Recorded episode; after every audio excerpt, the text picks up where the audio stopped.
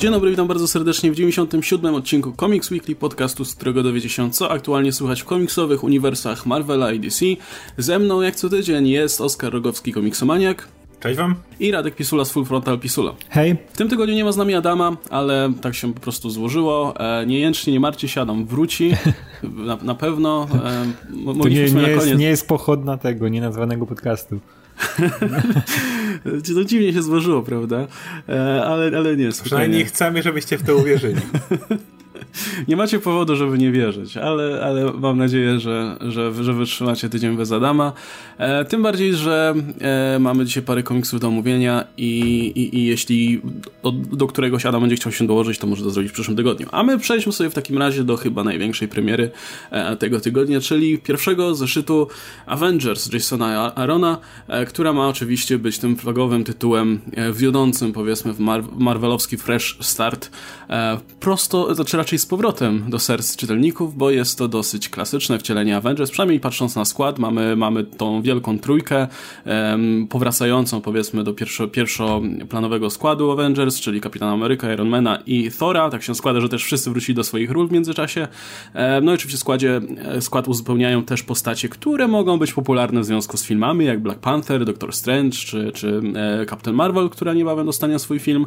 No i mamy też dwie postacie troszkę mniej standardowe, które być może wniosą trochę świeżości do tej drużyny, jak, jak Ghost Rider i She-Hulk. O nikim chyba nie zapomniałem po drodze. Wiem, że Oscarowi się najmniej podobał z nas, więc pytanie, czy zaczynamy od Oscara, żeby tutaj ponarzekał, a my spróbujemy to obronić, czy może odwrotnie? My spróbujemy się pozachwycać, a Oscar będzie próbował to pozbijać. Jak wolicie. Czy może inaczej? Bo tak, e, wychodzi na to, że w Polsce powoli już zmierzamy do tego, znaczy według tych Avengers, które są wydawane w Polsce przez Egmont, mhm. powoli zmierzamy do tego dużego eventu Secret Wars. Natomiast e, od tego czasu w, w tym e, powiedzmy trybie wydawniczym w USA już się troszkę pozmieniało. Mieliśmy e, bardzo niestandardowe ekipy Avengers, które myślę, że tak sobie radziły sobie, jeśli chodzi o sprzedaż i popularność. Zdaje się, że no, Mark Wade, który był odpowiedzialny za tę główną, główną serię od, w zasadzie od startu e, All New All Different Marvel po Secret Wars, Myślę, że miał parę ciekawych pomysłów, ale ta seria się niespecjalnie broniła, więc nie dziwi mnie kompletnie to, że wrócono do nieco bardziej standardowego, powiedzmy, składu i też wydaje mi się, nieco bardziej standardowych przygód Avengers w nieco powiedzmy bardziej standardowym sosie w ramach tego zeszytu. Jak pewnie wiecie, albo jeśli nie, no to o tym właśnie mówię, e, jest to też niejako kontynuacja tego one-shotu Marvel Legacy, gdzie mm, rzucono parę bardzo luźnych poszlak odnośnie tego, co się dzieje. Zaprezentowano też przy okazji postacie, które będą istotne w tym, powiedzmy, w tej nowej ekipie Avengers, właśnie Ghost Ridera między innymi, który, jeśli pamiętacie, w tym pierwszym zeszycie Legacy ubił od tak sobie Starbranda, bo w zasadzie nie wiemy za bardzo dlaczego i po co. Bo Aaron nie szanuje y, czytelników i kanonu. To prawda, oczywiście, to, to wiemy. E, natomiast y, w, w, zasadzie ta cała intryga wokół, wokół Legacy, mówię tutaj oczywiście o tym one-shocie, kręciła się wokół Celestiali. Gdzieś tam pod ziemią miał być jakiś Celestial i cały czas mówiło się o tym, że ma nadejść Final Host. Tylko oczywiście nie wiedzieliśmy do końca, co to ma być to Final Host. No i w zasadzie pierwszy zeszyt e, Avengers nam wreszcie udziela odpowiedzi na to pytanie. Okazuje się, że chodzi o host, czyli grupę, powiedzmy, Celestiali właśnie, która ma wrócić niejako na Ziemię, czy która ma powiedzmy powrócić e, na Ziemię i jak to, jak to robią Celestiale, no osądzić tutaj Ziemię. E, natomiast nie tak wcale zaczyna się zeszyt. Zeszyt zaczyna się tak naprawdę od tego, że martwe celestiale zaczynają wypadać przez jakieś dziury w czasoprzestrzeni i spadać prosto na ziemię, więc e, wiesz, że jak pada z nieba celestialami, no. to nie jest zbyt dobrze. Ko kończy numer i tak się powinno zaczynać, wiesz, komiksy z Avengers, szczególnie pierwsze, nie? A kończy się właśnie no. trochę mocniejszym jeszcze walnięciem, bo, bo ten cały Final Host y, niejako rysuje się już na horyzoncie. Ale tak naprawdę nie temu jest poświęcony ten pierwszy zeszyt, znaczy jasne, dzieje się i, i spadają te celestiale i tak dalej, natomiast y, dużo więcej czasu poświęca się temu, żeby w ogóle zebrać do kupy tych Avengers. E, I co prawda wiemy mniej więcej z dialogów, czemu Steve, Tony i, i Thor się zebrali, a raczej co nimi w jaki sposób kieruje decyduje, żeby znowu y, współpracować, powiedzmy, ale też widać, że cała reszta bohaterów, których wymieniłem wcześniej, niejako y, po tym zeszycie można stwierdzić, że oni się zbierają niejako przypadkowo, bo akurat byli w pobliżu. I tutaj wchodzi ten prolog na Free Comic Book Day, gdzie między innymi jest też historia o Avengers właśnie, gdzie y, Odyn, który jak wiecie był członkiem tych Avengers przed miliona lat, woła do siebie Black Panthera, żeby mu powiedzieć o tym zagrożeniu, które zmierza na Ziemię. E, więc wiemy, czemu Black Panther w tym komiksie, w, tym, w tych Avengers 1 e, zajmuje się szukaniem tego zakopanego pod ziemią Celestiala, którego wcześniej ci prehistoryczni Avengers ubili. Natomiast z zeszytu się tego nie dowiadujemy, co jest trochę słabe. E, tym niemniej, no w zasadzie każdy z tych bohaterów robi swoje w którymś momencie, a potem ta, ta powiedzmy fala spadających Celestiali sprawia, że zbierają się do kupy i muszą coś z tym zrobić. I powiem szczerze, mi się to bardzo podobało, bo raz, że było sporo dialogów, które ustanawiają dla także dla nowych czytelników, o co chodzi tym postaciom, kim, na jakim etapie są teraz. Um, szczególnie dialogi między Tonem i, i e, Steve'em i e, Thorem są, są bardzo fajne i no, są bardzo świadomi tego, jak, jakie e, nieciekawe losy miewali ostatnio. Powiedzmy, ile, ile nieciekawych rzeczy ich spotkało w życiu ostatnio i dosyć ironicznie się do tego odnoszą. Mnie, mnie to kupiło w każdym razie. Ja jestem zachwycony, ja nie powinienem się wypowiadać, bo jestem strasznym akolitą Jasona Arona i, i czekam, czekam na wszystko, co tylko napiszę. Jason Aaron to zło. Jason Aaron to jest najlepsza rzecz, jaka się trafiła Marvelowi od czasu, od 39 roku. Nie szanuje w ogóle czytelników. Szanuje czytelników, nie szanuje, może ciebie nie lubi po prostu. Też jest takie wyjście. Dobra, ale powiem o Avengers, bo strasznie mi się też podobał, szczególnie to, jak jest skonstruowany jak są tutaj właśnie wydarzenia podane. Bo mamy do czynienia z tym pierwszym numerem Avengers, który ma być wprowadzeniem do, dla nowych czytelników, którzy mają złapać za jedynkę i się dobrze przy tym bawić. Na czym zupełnie pore, poległ jakiś czas temu Mark Wade, który potrafi świetnie zaczynać, ale jak naładował do tych swoich Avengers wszystkiego, zrobił skład, który był wiadomo lepianką tych młodych bohaterów, kilku starszych, tych zamienników paru i do tego jeszcze władało tam Kanga, całą historię Avengers no i tego się czytać nie dało. No to było, to było strasznie słabe. Jasne, jak ktoś lubi Avengers od lat, to mógł się w tym w jakiś sposób dobrze bawić, ale dla nowego czytelnika to było piekło. A Jason Aaron ten komiks zaprojektował fantastycznie dla właśnie nowego czytelnika. Mamy wstęp, który od razu ci w fajnym dialogu przy piwie pokazuje w, jaki, w jakim momencie życia jest każdy z tych trzech głównych bohaterów, najważniejszych, nie? Wszystko jest fajnie podane.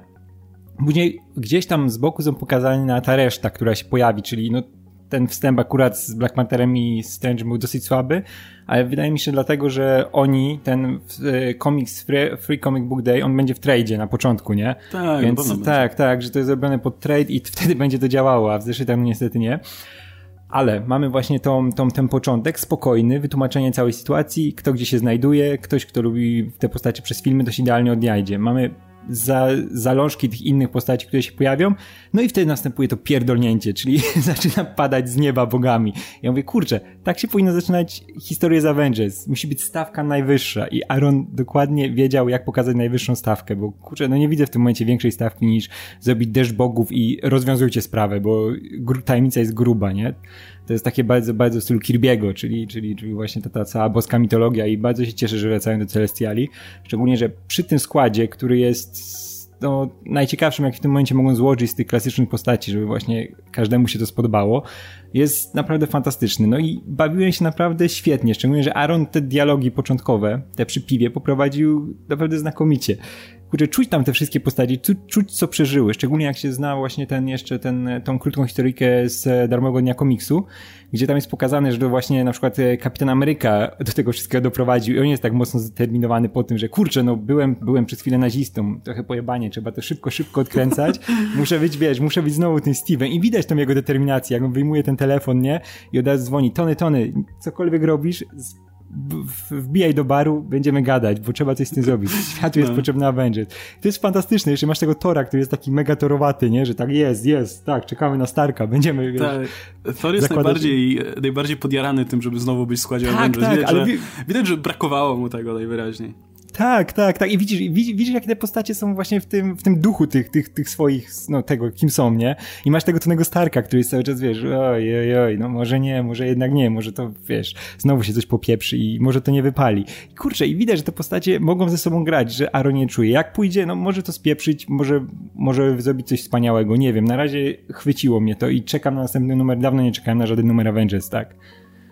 No. A dlaczego na początku powiedzieli, że tam są mutanci, jak pierwszym mutantem był Apokalips? O Boże, bo ty gdzie? W komiksach to przeczytałeś, że pierwszym był Apokalips?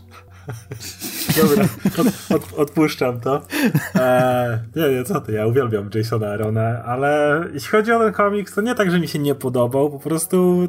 Mm, nie wiem, nie, nie czułem tego czegoś specjalnego. Bardzo podobała mi się rozmowa Thora, Kapitana i Ironmana przy piwie. Jakby ten element jest super ale później miałem wrażenie, że to jest takie, no tak, to jest podbudówka. Widać, że to jest podbudówka, widać, że od tego się dopiero zacznie.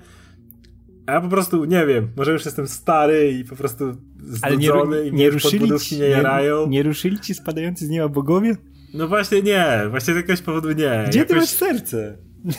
Ten moment, kiedy e, Black Panther i Strange wchodzą do y, tych tam, do tej dziury mm -hmm. w mhm. ziemi i Black Panther mówi, no, ta sprawa wymaga uwagi Black Panthera i Doktora Strange'a. Nagle miałem taki, nie wiem, no może to mi popsuło te komiksy. No nie, akurat dobra. Ja, lat 9 tu się taki zgrzyt lat 90. w tym momencie. Tu się zgadzam, że ten, ten fragment, epizod z Panterem i Strange'em był dosyć średni i widać, że on za bardzo polega na tym, co się działo w tym dodatku do, z tak, dnia tak. To, to jest ten moment, kiedy takie że ich, lata 90. uderzają, nie? Ta, ta. To wtedy wszyscy bohaterowie mówili o sobie w trzeciej osobie, że o, to wymaga uwagi, znaczy i wcześniej. Tak, ale to, że to jest jedna scena, bo jednak to, to, to wprowadzenie ten e, szybkie e, She-Hulk albo Ghost Ridera były całkiem fajne, nie? Nie, Ghost Ridera, nie ja w końcu, nie to, że mam coś przeciwko Redconom, ale w końcu teraz nie wiem, to y, obecny kanon jest taki, że to samochód Robiego jest tym opętany, bo nie jestem pewien jakby. Y, w sensie nie, mi to nie przeszkadza, bo był jego wujek Eli, który go opętywał, teraz to może być samochód. Whatever. Może samochód, być samochód. Za, samochód zawsze lepszy, więc. Może być opętany samochód, nie ma problemu. E, no ale przez, muszę się trochę w tym jeszcze połapać, jakby. To jest to jest dobre wprowadzenie. Na ile, na ile wprowadzenie może być, na ile masz pierdyliard postaci, które mhm. Aaron pewnie dostał no tak, na swój tak. stół, przyszedł do niego Cebulski, mówi masz, wciskaj. A Aaron na ile sprawnie jest scenarzystą, to wcisnął jak to się wcisnąć dało. Po prostu no, widzę trochę ten cały zakulisowy element, który trochę jeszcze na Arona ewidentnie w tym zeszycie naciskał. Ja absolutnie mam wszelkie zaufanie, że ten scenarzysta w końcu zaplącze te postacie, jakoś je razem ze sobą splecie i one będą grały, ale tu mam wrażenie, jakby naprawdę zależało mu na tej relacji For, y, Tony i Cap, a reszta była taka właśnie Cebulski przyniósł i, i wiesz i, i, i, mm. i, Ale wiesz, ale, ale, ale to jest też takie mocno Avengersowe, że oni się jednak spotykają przez przypadek, nie? To jest na, najfajniejsze to, to rzecz tak. Avengersach, nie? To że musi oni, tak być, no, nie? Że masz tą trójkę, która jednak się spotkała w konkretnym celu, ale wiesz, że ten zespół będzie dołączony przez przypadek, nie? Że ci wszyscy Steve się... to wprost mówi, jak Tony pyta, dobra, kogo bierzemy? A Steve mówi, no, się zobaczy. Tak, dokładnie. Jak będzie, to się zobaczy. tak to wychodzi. Także ta scena jest bardzo fajnym prologiem, a reszta komiksu to jest takie no mówię, takie, e, widzę tutaj redaktorskie rozstawienie piątków na planszy, z której absolutnie wierzę, że Aaron, wiesz, dostał e, do, do, dostał, prawda, pomarańcze i zrobi sok, czy jak to się mówi, ale... ale... Z, drugiej, strony, wiesz, może być A... to też dobre, po tym, co właśnie, co było przynajmniej u Wade'a, że wiesz, że też wziął przypadkowe postacie, te, które akurat chciał, no i to nie działało zbytnio, a może, może akurat jak Aaron dostanie coś odgórnie, no to nie wiem, może bardziej się skupi na tych postaciach, a nie na swoich, wiesz, e, no. próbach jakiejś tak szaleńczej, wiesz, zabawy, czy ja robienia po, ich po swojemu. Po tym Mighty Thor mam wszelkie, wszelkie zaufanie co no. do tego, co Aaron będzie robił. Po prostu na tym etapie miałem to po prostu okej, okay, to jest prolog, spoko, mm. jedziemy dalej. No, nie było, to, nie miałem tych emocji, Jasne, które wy, wy opisaliście. tutaj trzeba, trzeba, trzeba czekać Boże. na całą historię, nie?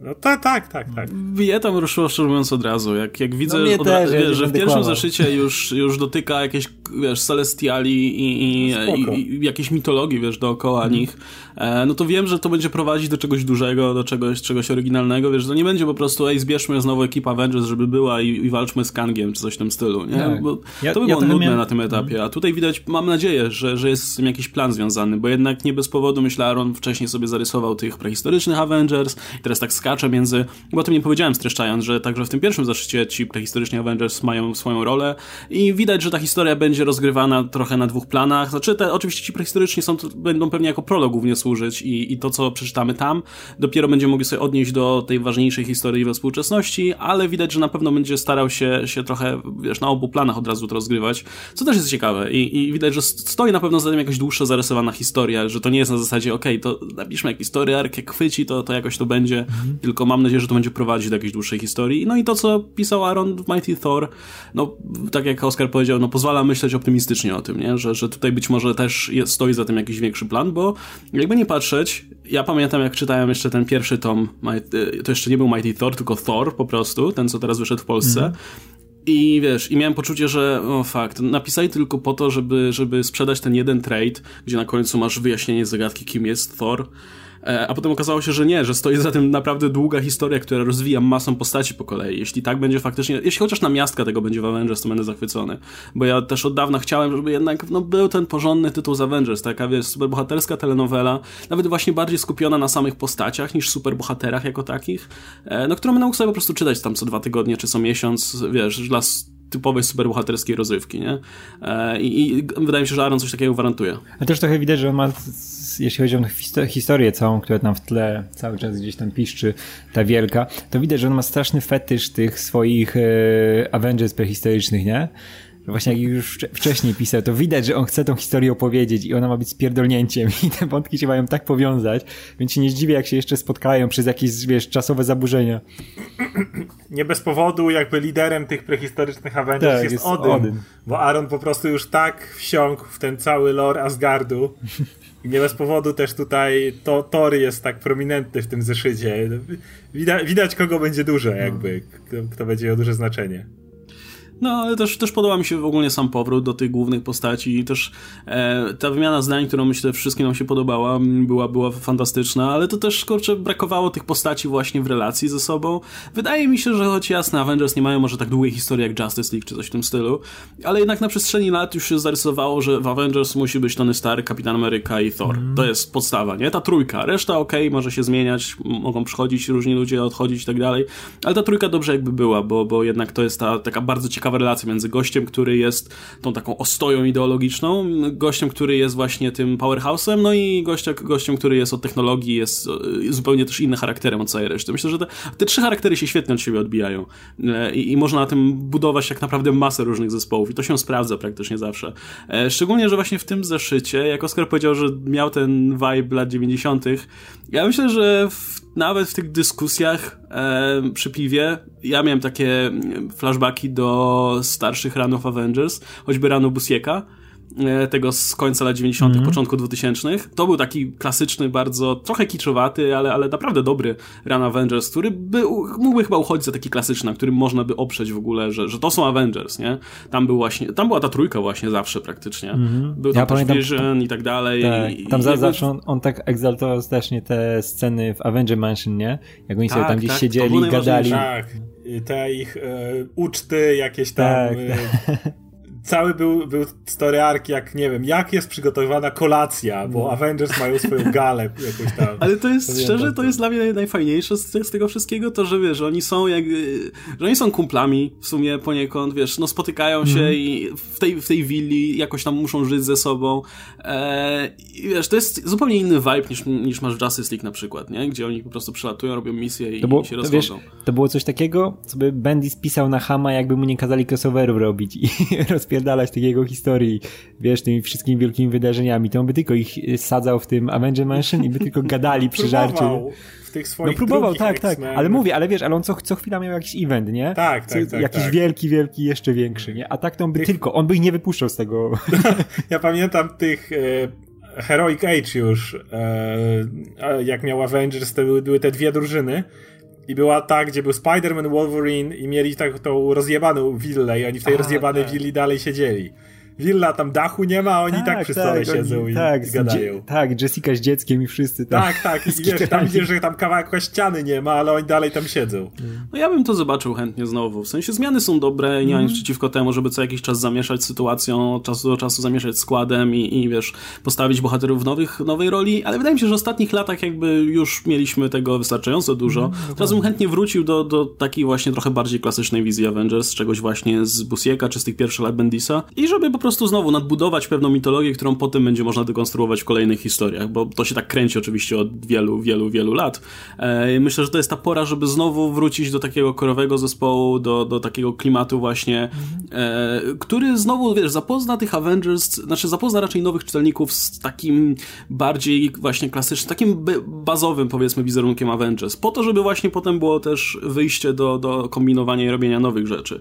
Ale biorąc pod uwagę, jaką rolę miało mieć Legacy, jaką rolę ma mieć Fresh Start, no myślę, że to jest najlepszy moment na to właśnie, nie? Szczególnie po tych e, historiach, jakie wcześniej pisał Hickman, po tym, co, co Wade kombinował z tym mieszaniem składem.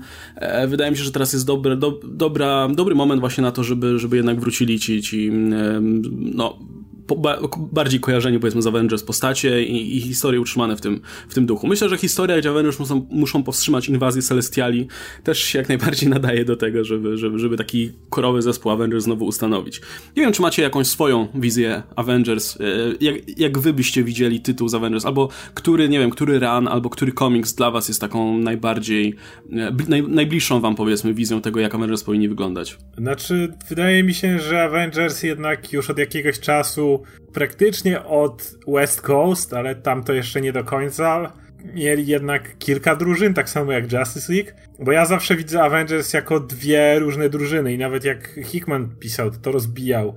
E, miałeś, zawsze miałem jedną taką formalną drużynę, nazwijmy to, i właśnie musi być Cap, Thor, Iron mhm. Man, ta taka podstawa, zresztą Bendis to też rozbijał, e, a druga taka, jakby to powiedzieć, tych nieoczywistych e, osób, takich jak było teraz trochę Uncanny Avengers, teraz w tych ostatnich ranach, jak za Bendisa miałeś tych mieszkających w wieży, i tam był właśnie Thor, Cap, Iron Man i tych mieszkających w tej rozpieprzonej willi, gdzie był Luke Cage, Wolverine, Spider-Man, Jessica, Iron Fist, Doctor Strange.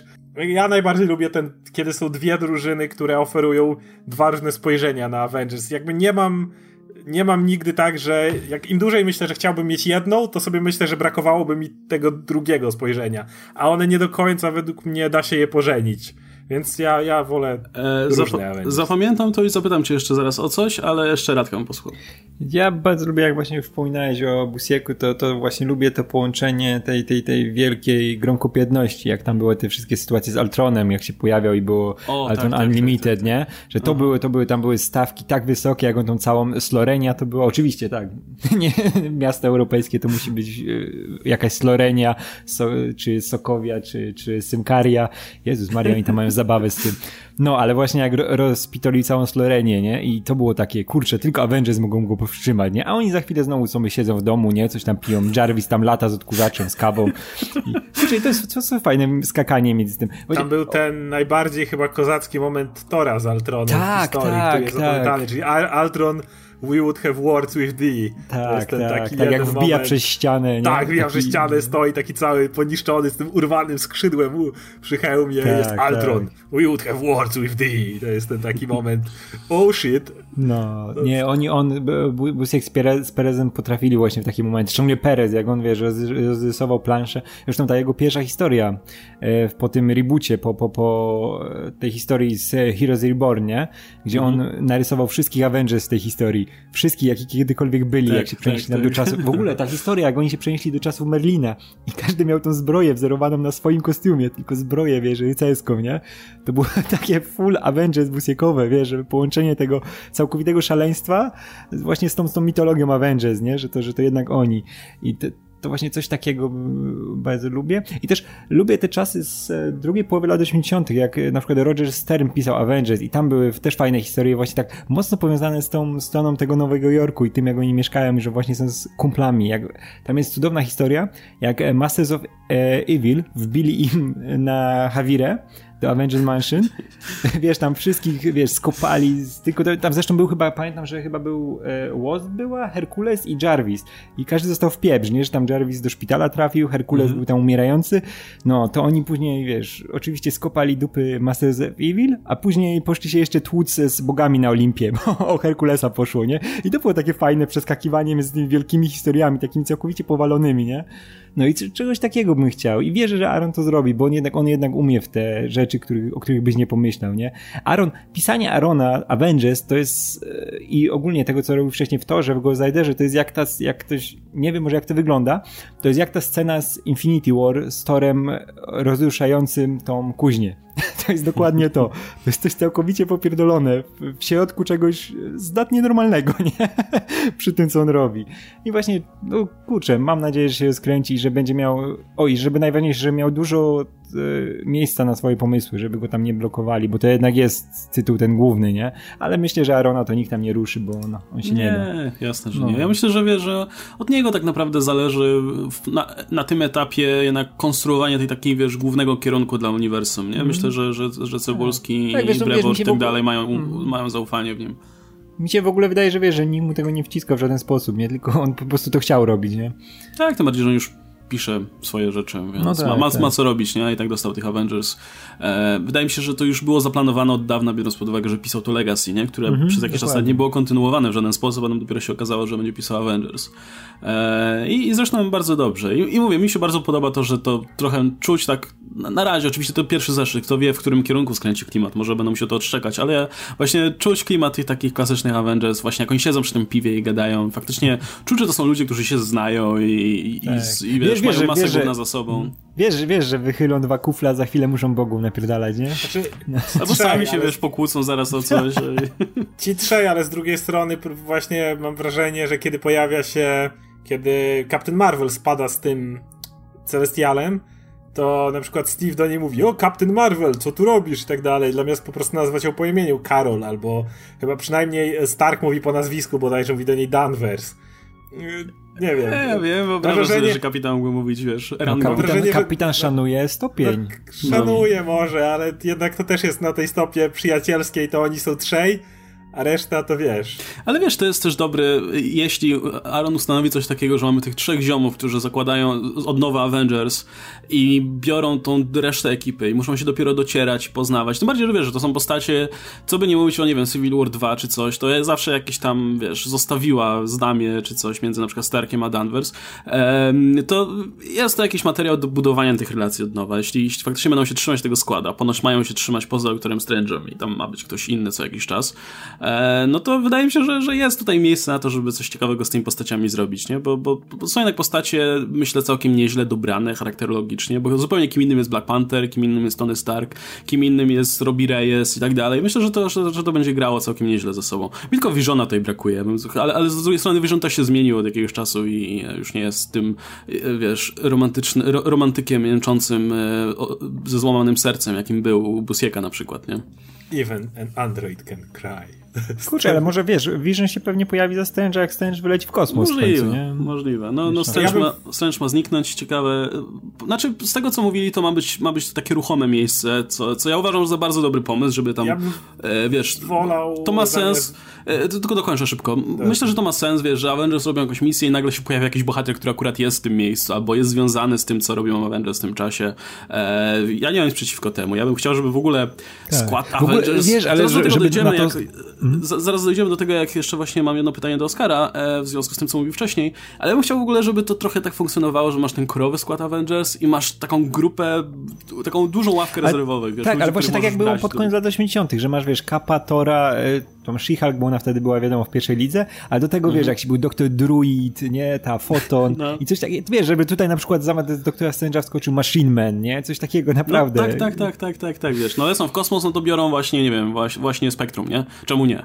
Albo, nie wiem, Blue Marvela, albo kogoś tam innego, po prostu tak, żeby, żeby rozruszać właśnie, przede wszystkim te relacje, bo już nawet nie chodzi o to, kto jest jakim bohaterem, ale po to, żeby nową postać prowadzić i żeby ona w jakiś sposób się mogła odbijać od reszty. W dużej mierze tak działało z Secret Avengers, Enisa, e, przepraszam, Elisa, e, Remendera później. Czy, czytałbym Secret Avengers od Enisa. Od Elisa tak, nie. Od Elisa, od Remendera i była ta drużyna, gdzie był niby Cap i ci jego Secret tak, Avengers, tak. ale właśnie misja na Marsa to biorą nowe. Gdzieś tam lecą do jakiegoś miasta, to tam Hawkeye'a, nie wiem czemu. Nie, dobra, tam się wyjaśnia czemu Hawkeye'a.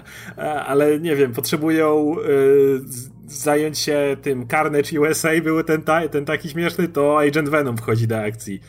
I no to tak to działało dokładnie Secret Avengers te, w pewnym momencie.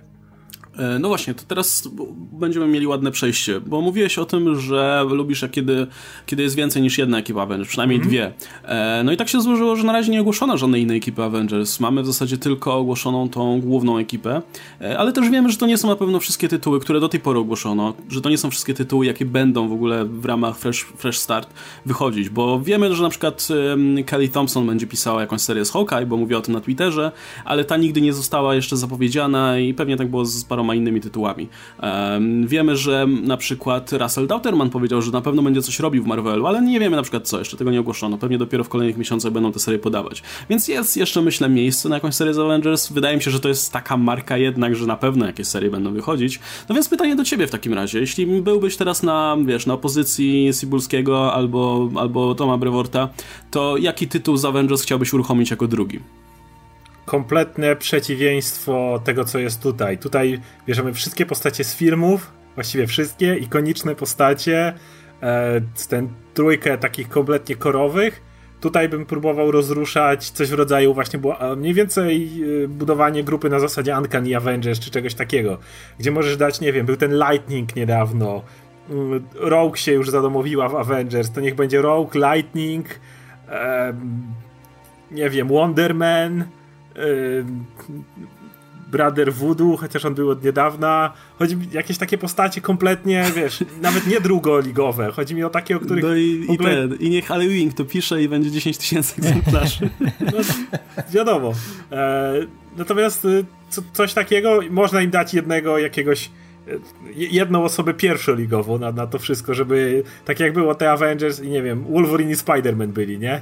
A reszta to nie byli jakoś super popularni. Więc wiesz, daj im Spidermana powiedzmy, Petera Parkera i daj im nie wiem, no nie Wolverina, ale kogoś podobnego, o podobnym statusie. Nie, ale tak ogólnie, reszta... w sensie ogólnie jakbyś widział tą drużynę, w sensie czemu ona by no się No właśnie taką przyziemną dużo bardziej, nie, mhm. nie zajmującą się spadającymi bogami, a przynajmniej e, idea tej drugiej drużyny zawsze polega na tym, że oni próbowali być przyziemni kończyło się tym, że mogli walczyć ze starożytnym bogiem, czy cokolwiek się działo, ale z, założenia idea była taka, że to nie są ci, którzy mają reagować natychmiast na to, że dwa układy słoneczne dalej, coś, coś w nas leci. E, czy coś takiego. Chodzi mi o tą taką drużynę właśnie bardziej e, mniej formalną. To nie są ci goście, którzy muszą trzymać się razem w willi, a bardziej tacy e, okej, okay, zadzwonię po niego, może wpadnie, jak nie jest czymś zajęty. Chodzi mi o takie tego typu Avengers takie luźniejsze, z też ba, du, ba, dużo bardziej obrotowymi drzwiami, jeżeli chcesz. To, to, totalnie bym napisał numer takiego komiksu, że wiesz, siedzi jeden bohater, weźmy na to, nie wiem, kurczę, Iron Fist, nie? I tak myśli sobie, jestem Avengerem, coś się dzieje, zadzwonię po Luka Cage'a, nie? I tak może, może akurat nie jest zajęty. I tak dzwoni po niego i tak są, wiesz, te panele idą cały czas, nie? Bo to jest cały numer. I tak dzwoni po niego, jest sygnał, sygnał, kurde, to jest taki w stylu Bendisa bardzo. Dzwoni, sygnał, sygnał, sygnał i nagle Luke mu mówi, no sorry, jestem zajęty, a on mówi, okej. Okay. I odkłada słuchawkę i koniec. tak, ja bym totalnie nie mógł pisać Avengers, ale bym to przeczytał. No, okej, okay, może nie takie, ale jeżeli miałbym to mówić, coś tutaj Uncanny Avengers, to w stylu tego jak było Avengers World, gdzie nagle wszystko przeszło na Sunspota, który przejmował IEM obok sagi Hickmana. E, coś w stylu tych drugich Avengers Bendisa, nie tych, co mieszkali w wieży ze Starkiem, tylko tych, co na przykład chowali się podczas rejestracji u e, Strange'a w domu, nie? I tam Logan w ogóle to tam spał ciągle i naczynia były brudne i Łąk się wkurwiał. O tego typu drużynę by widział. A ja się zgadzam, strasznie, strasznie w tym już czuję, że mi brakuje już takiego właśnie Uncanny Avengers, który mi się strasznie z miesiąca na miesiąc dobrze czytało, bo było jednak taką odskocznią od tych, od tych innych rzeczy Avengersowych i, i w sumie też bym przygarnął coś takiego. Główny motyw polegał na tym, że Pietro y, y, czuje się źle, bo kocha Synaps, a Voodoo i e, tak, wiesz, tam masa tych romansów tak, takich tak. dziwnych, gdzie wszyscy, wszyscy ze sobą tak naprawdę jakoś tam próbują romansować. Jak, jak, jak Rogue e, ma z Deadpoolem nagle z jakiegoś powodu romans, po prostu tam wszyscy ze sobą romansowali, a cała akcja była bardzo na drugim, trzecim tle jakby.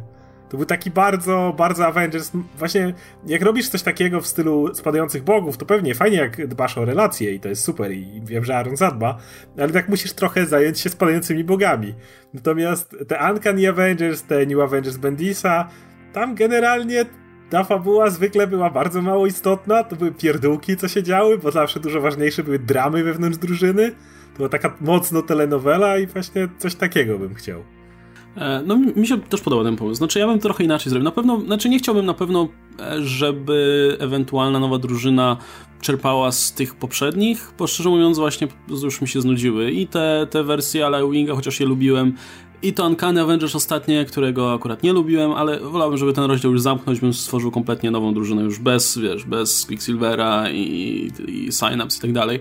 Ale sam pomysł zrobienia takiej bardziej przyziemnej drużyny myślę, że ma sens, że wiesz, że, że bohat część bohaterów stwierdza, że okej, okay, tamci są zajęci, wiecie, celestialami, ale tu są też inne zagrożenia na Ziemi, no bo jesteśmy w Nowym Jorku, a tu wiadomo, za każdym rogiem po prostu jest jakiś super przestępca, więc wypadałoby się zorganizować. Wiem, dałbym to Matthew Rosenbergowi, żeby po prostu zbudował to na bazie tego Tales of Suspense, wziął, wziął Black Widow, Hawkeye'a, Winter Soldiera, dorzucił tam jeszcze z dwie, trzy postacie i zrobił takich, wiesz, yy, właśnie taką grupę operacyjną bardziej, nie? Takich właśnie do, do specjalnych specjalnych zadań, takich e, ludzi, którzy, e, którzy nie chcą być za bardzo superbohaterami, po prostu wiedzą, że muszą być, bo, bo, bo wiecie, bo jak Avengers są zajęci biciem się z Celestialami, no to nie ma kto tego robić na ulicach Nowego Jorku na przykład. Można by tam dorzucić Spidermana, nie ma sprawy, albo, jakiego, albo któregoś z Wolverinów, czemu nie? E, myślę, że to by pasowało do siebie. E, natomiast ja bym jeszcze chciał, chciałbym jakąś inkarnację Young Avengers. Ja lubię młodocianych bohaterów. Champions moim zdaniem nie działało do końca i zastanawiałem się ostatnio, dlaczego nie działało Champions, dlaczego ja się w to nie wkręciłem zupełnie, mimo że próbowałem i na papierze mi się to wydawało bardzo fajne, skład mi też odpowiadał ale wydaje mi się, że Champions było zbyt heroiczne. E, to znaczy, ci bohaterowie w Champions, mimo że byli nastolatkami, oni cały czas, wiecie, mieli takie wielkie ideały, że musimy bronić tutaj y, świata i musimy lecieć do, wiecie, Afganistanu i bronić kobiety tam. Było za mało tam, to, Tak, to było na zasadzie, musimy być wielkimi bohaterami. A ja bym chciał coś w stylu Young Avengers, Gilena na przykład, gdzie więcej było jednak właśnie, gdzie to widziałeś, że to są nastolatkowie. I to przede wszystkim nastolatkowie, którzy chcą być bohaterami, ale no jakby nie, wiesz, nie aspirują do bycia Justice League. Oczywiście Dream Team to byłby Kieron Gillan i Jamie, Jamie McKelvey, ale, ale coś w tym stylu na pewno bym, bym chętnie zobaczył. Coś o, o, o młodych bohaterach i ale, ale właśnie, którzy nie, wcale nie chcą być pomnikowymi bohaterami, bo, bo, bo nie muszą. To by mogło zastąpić Champions, nie mam nic przeciwko. I szczerze mówiąc, tych młodocianych bohaterów ostatnio robiło się tylu, że można by po prostu przebierać między nimi, jak wiecie, jak w jabłkach, które spadły z jabłoni i po prostu wybierać, co by pasowało do tej drużyny. Bo i, i są ci bohaterowie, których nie było od dawna w komiksach, i są ci, którzy byli w Champions, i są ci i młodzi X-Men jacyś tam. Gdyby wziąć do tego jakiegoś dobrego scenarzystę, to by był w stanie wybrać z tego naprawdę fajny team. Myślę, że coś takiego by, by było, można było spokojnie zrobić. Problem Champions polegał na tym, że Mark Wade próbował za wszelką cenę wrzucać tam różnego rodzaju przesłania, ideały. Ja szanuję to absolutnie, jak był ten, ten z dostępem do edukacji kobiet w krajach Bliskiego Wschodu na przykład. E, tylko, że. No wiesz, że banda nastolatków to nie jest pierwsze, o czym by pomyślała banda nastolatków. E, chodźmy, brońmy e, wolności tak, słowa dokładnie. w Iraku, nie? Czy gdzieś tam w Afganistanie. To jest, to jest, znaczy, to jest fajna, fajna, fajny ideał na jeden zeszyt. Jak chcesz gdzieś po drodze wrzucić taki, wiesz. E, one shot gdzieś po drodze dla tej drużyny, która czymś takim się zajmie, okej, okay, fajnie, ale ile, ja nie, nie dałem rady czytać całych Champions, ale ile ich czytałem, to było non-stop. Nie miałem tam w ogóle budowania relacji. Wade to w ogóle olał w tym komiksie. Y, pierwsze dwa zeszyty na tym Ta, się chyba na opierały i one były spoko, jak oni tam gdzieś w lesie siedzieli i próbowali się dogadać, a potem kompletnie już to olał, tak zupełnie. I oni cały czas zastanawiali się nad tym, jak wykonać daną misję, jak coś tam zrobić, jak to przetrawić. Nie miałeś w ogóle teen dramy, Mm, tych wszystkich właśnie nastoletnich push hormonów. No ja uwielbiam Kirona Gillena Young Avengers, ale jeszcze bardziej lubię Runaways, gdzie w ogóle wszystko było tylko burzą hormonów i, i w ogóle nawet nie próbowali być bohaterami. Oni po prostu mieli supermoce i nie bardzo wiedzieli, co z tym robić. To, to, to działało dużo lepiej, dlatego że zresztą, yy, przy okazji Rainbow Rowell, te ich nowe, jej nowe Runaways są świetni. Przeczytałem wszystkie od początku do końca jej zeszyty, które obecnie są i ta seria nie dostała cancela do tej pory, więc czyta się super. E, i, i, to działa, ale jasne, mogłaby... Runaways to jest specyficzna drużyna, bo to jest ta w ten sposób rodzina w jakiś sposób. Oni są raczej dosyć zamknięci, nie, nie bardzo można ich składać jak chcesz, więc te nowe Young Avengers Champions zwał jak zwał, faktycznie mogłoby się tym zająć może jeden z problemów Riri Williams jest taki, że ona nigdy nie mogła, nie, nikt nie dał jej być nastolatką. Ani w Champions Weight, jak ona się pojawiała, ani Bandit w jej własnym zeszycie. Ona była od razu herosem. I nie miałeś w ogóle tego wprowadzenia. Ludzie zapomnieli, dlaczego świat pokochał Petera Parkera kompletnie. I to, to, to faktycznie działało, więc zgodzę się z tobą, że da, dajcie mi zeszyt, gdzie bohaterowie będą przede wszystkim nastolatkami, a dopiero w drugiej, drugim rzucie superbohaterami. Mi też w ogóle w całym tym, tym, tym, tym ruchu Champions, że każdy może być bohaterem, wiesz, i te wielkie wzniosłe ideały, brakowało mi kurczę konfliktu, że oni wszyscy mówili jednym głosem, że wszyscy idą, wiesz, za prawdę, sprawiedliwość, amerykański styl życia, że wszystkim pomożemy i wiesz, a żeby ktoś się z tego wyłamał, ktoś próbował zadawać pytania, dyskutować na ten, na ten temat, nie? To by było coś ciekawego, jakieś by wprowadziło tarcie w tej drużynie, jakieś, jakieś ciekawe relacje, a oni wszyscy i wiesz, byli jak jeden, właśnie jak jeden mąż stali za tym. I to było strasznie nudne, zawsze jest takie nudne jak wszyscy, znaczy ja wiem, że to była, wiesz, komiks przeznaczony dla dzieciaków, który ma im coś powiedzieć. I tylko White to robi tak strasznie łopatologicznie, patrzcie, patrzcie, też możecie być lepsi jak będziecie pomagać. I kurczę, to tak nie działa, jak czegoś nie wytłumaczysz i nie pozwolisz komuś zrozumieć, no to on tego nie, nie ugryzie, nie, nie będzie chciał tego, wiesz, iść za tym, nie? No i tak nie działało to Champions. Tym bardziej, że kurczę, White przecież e, wie jak pisać nastolatków, no, no pisze Archie cały czas i, znaczy teraz współpisze, ale no do tej pory przecież wychodziło mu to świetnie.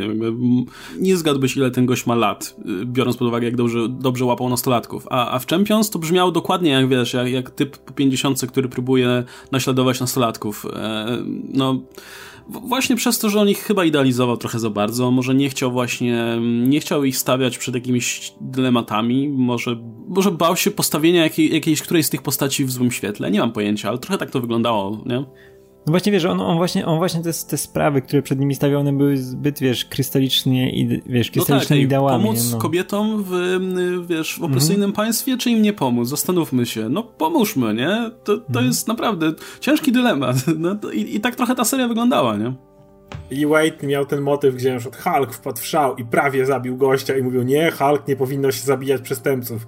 No, już trochę wałkowaliśmy to. Można naprawdę młodymi postaciami opowiadać inne rzeczy niż historię Punishera i Daredevila, nie? To jest po prostu nie działa, ale właśnie, co sobie przypomniałem, wraca Fantastyczna Czwórka zrobić y, Young Avengers, do którego na przykład Valerię Richards wrzucić. To jest przecież fenomenalna postać w, w wielu miejscach.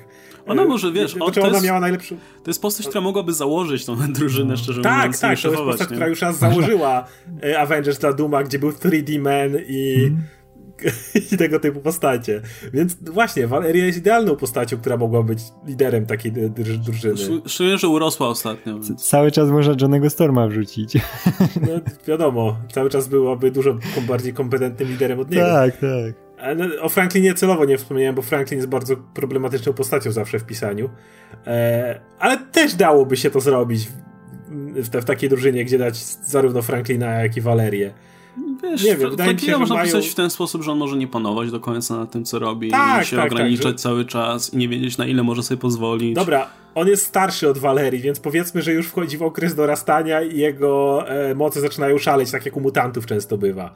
Więc już na tym etapie można go spokojnie scenariuszowo ograniczyć, jak bardzo chcesz. Że wiesz, taka historia by się musiała jednak kręcić wokół Franklina mocno, nie? Z, te, z, z, taką postacią, więc e, gdyby to było w jakimś Future Foundation, to spoko, ale no, to by jednak, wydaje mi się, chyba zabierało jednak sporo, wiesz, uwagi z innych bohaterów. No, ale Valeria, no dlatego Valeria, tak. Franklin nie jest konieczny, ale Valeria już spokojnie mogłaby być w takiej drużynie. Valeria jasna. I myślę, że ewentualna drużyna tego typu mogłaby też uratować e, Amerykę która swego czasu, pamiętam, była naprawdę lubianą postacią i, Aha, zarówno, zarówno z, z, właśnie występów Young Avengers, jak i w Ultimates, ale no potem przyszła ta solowa seria i od tej pory w zasadzie Ameryka stała się symbolem tego, jak pisać serię tylko, tylko po to, żeby tam sprzedawać właśnie jakieś, jakieś komunikaty polityczne, nie dbając kompletnie, wiesz, o jakość samej historii, bo, bo Ameryka jest nieczytelna, nie, nie, nieczytalna, jeśli jest takie słowo, ale, ale jeśli nie ma, no to wiecie o co chodzi.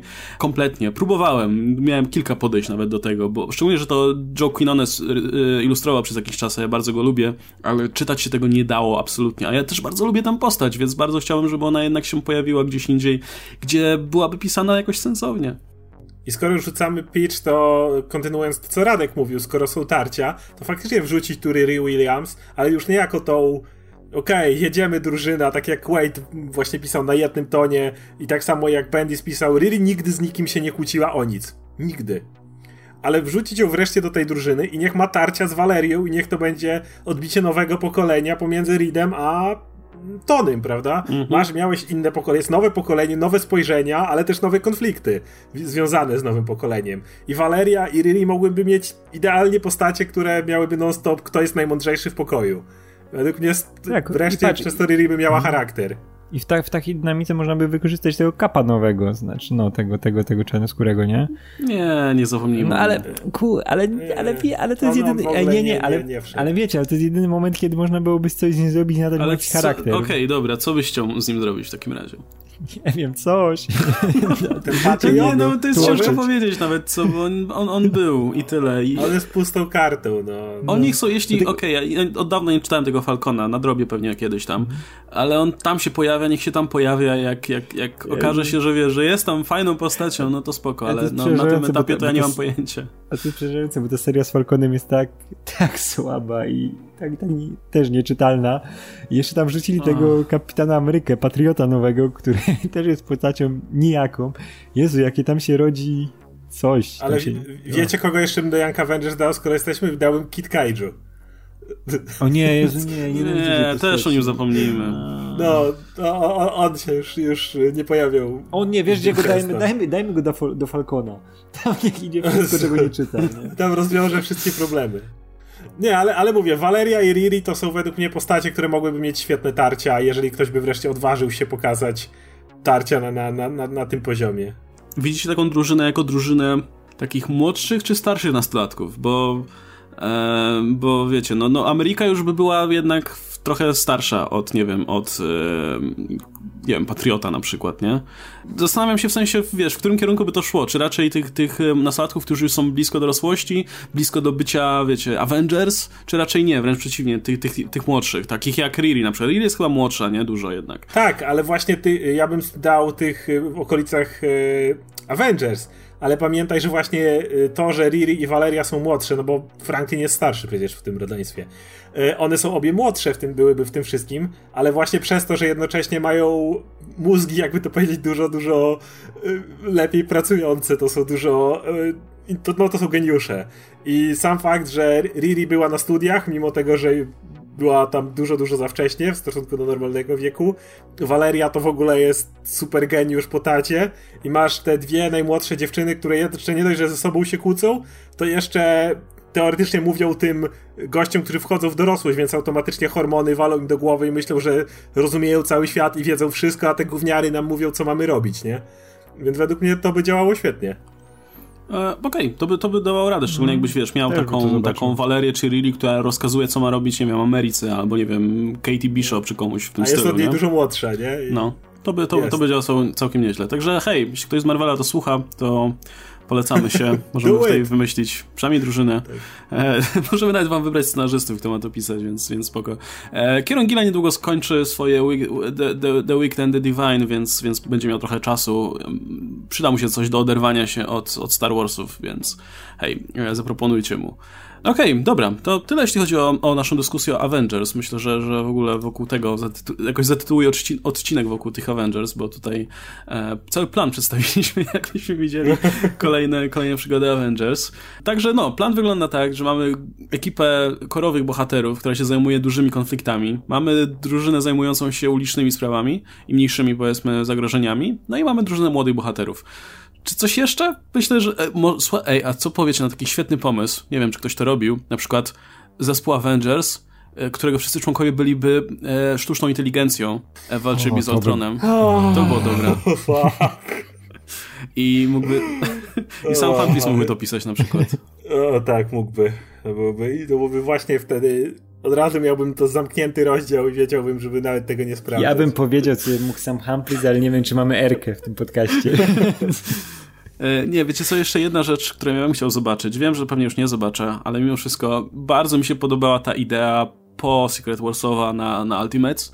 Mm. I na taką serię oczywiście o kosmicznych głupotach. Właśnie taka seria, która rozwijałaby mm. mitologię Marvela, co myślę, że cały czas jest na to miejsce, bo ta mitologia jest wciąż nie do końca zdefiniowana po tym, co się odpierdalało przez Secret Wars i, i u Alawinga. E, I coś takiego bym chętnie czytał, bo, no, bo szczerze mówiąc... Zrebootować Annihilators. To jest idealna drużyna, która się mogłaby tym zajmować. Masz drużynę, która jest tak potężna, z, z, postaci, które są, jak, jak tam Quasar raz powiedział, chodźcie, poprzestawiamy planety w jakimś układzie dla zabawy, mm, że po prostu albo wrzucasz ich w takie totalnie kosmiczne, już abstrakcyjne miejsca. No, Ultimate z pewnego stopnia też tym było, ale Annihilator są jeszcze większymi koksami. Zrobisz tego typu drużynę, która nie ma absolutnie żadnego sensu, żeby walczyła z, wiesz, z szokerem na ulicy i wrzucasz ich po prostu w tak popierdolone historie. No, ja uwielbiam Annihilators i według mnie to jest idealne do rebootu. Zamieszać składem, połącz, pomieszać ich z Ultimate trochę i masz... No, no, y, tylko wiesz, musiałbyś to nazwać inaczej, musiał, bo, bo nikt by nie, nie, nie kupował serii Annihilators. Mm, pewnie nie. Ultimates też zresztą nikt nie kupował. Nie wiem, musiałbyś mieć tam Avengers po prostu w nazwie. Cosmic Avengers. Albo, nie wiem, Ultimate a... Avengers po prostu nazwać, na, nazwać to i, i, masa ludzi by się złapała na, na słówko Ultimate po prostu, aby nawiązywało do, wiesz, do tego, co Ewing pisał. The Final Avengers, nie wiem. Albo Infinity Avengers. O, no, no, no, no, no. To, to, to, to nawet... Infi Infinity War Avengers. Avengers no. The Final Frontier. Nie, ale kurczę, Infinite Avengers nie byłoby złe. To by wyglądało dobrze wtedy, ale nie, właśnie pomysł na taką typowo kosmiczną drużynę jak dla mnie, dla mnie gra jak najbardziej. E, no ale nie sądzę, biorąc pod uwagę, że też członkowie byłych Ultimate są teraz w Avengers, jak Black Panther czy, czy Captain Marvel, więc pewnie nie ma planów za bardzo na to, no ale zobaczymy. Dobra, słuchajcie, to przeskoczmy sobie w takim razie do jeszcze paru innych tytułów. Jeśli już mówiliśmy w kontekście Avengers o mm, tym tytule z Free Comic Book Day, e, to pomówmy też o niejakim Spider-Manie, który, który też powiedzmy zaliczył pewien prolog w postaci postaci komiksu na Free Comic Book Day. No jest to pierwsza historia, jaką mamy okazję przeczytać ze Spider-Manem, pisana przez Nika Spencera. Znaczy, pewnie nie jest pierwsza w historii, pewnie coś ominąłem, ale to oczywiście prolog do tego jego ranu nadchodzącego. E, no i pierwsza, to chyba mogę powiedzieć z pewnością, ilustrowana przez Ryana Outleya, który jest fenomenalny ogólnie w tej historii swoją drogą.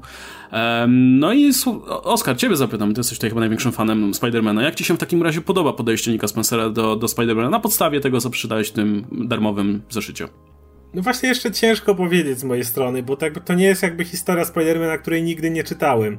Czuć trochę, że Spencer e, ma tu znowu lekkość e, z żartami Spidermana, jak bawi się tym Zdarski. Slot się w pewnym momencie trochę wypalił z tych żartów Spidermana, które są jednak esencjonalną częścią tego, że Spider-Man jak walczy, wali suchar za sucharem i to jest jakby niesamowita jego część, konieczna wręcz. Widać, że Spencer do tego wraca.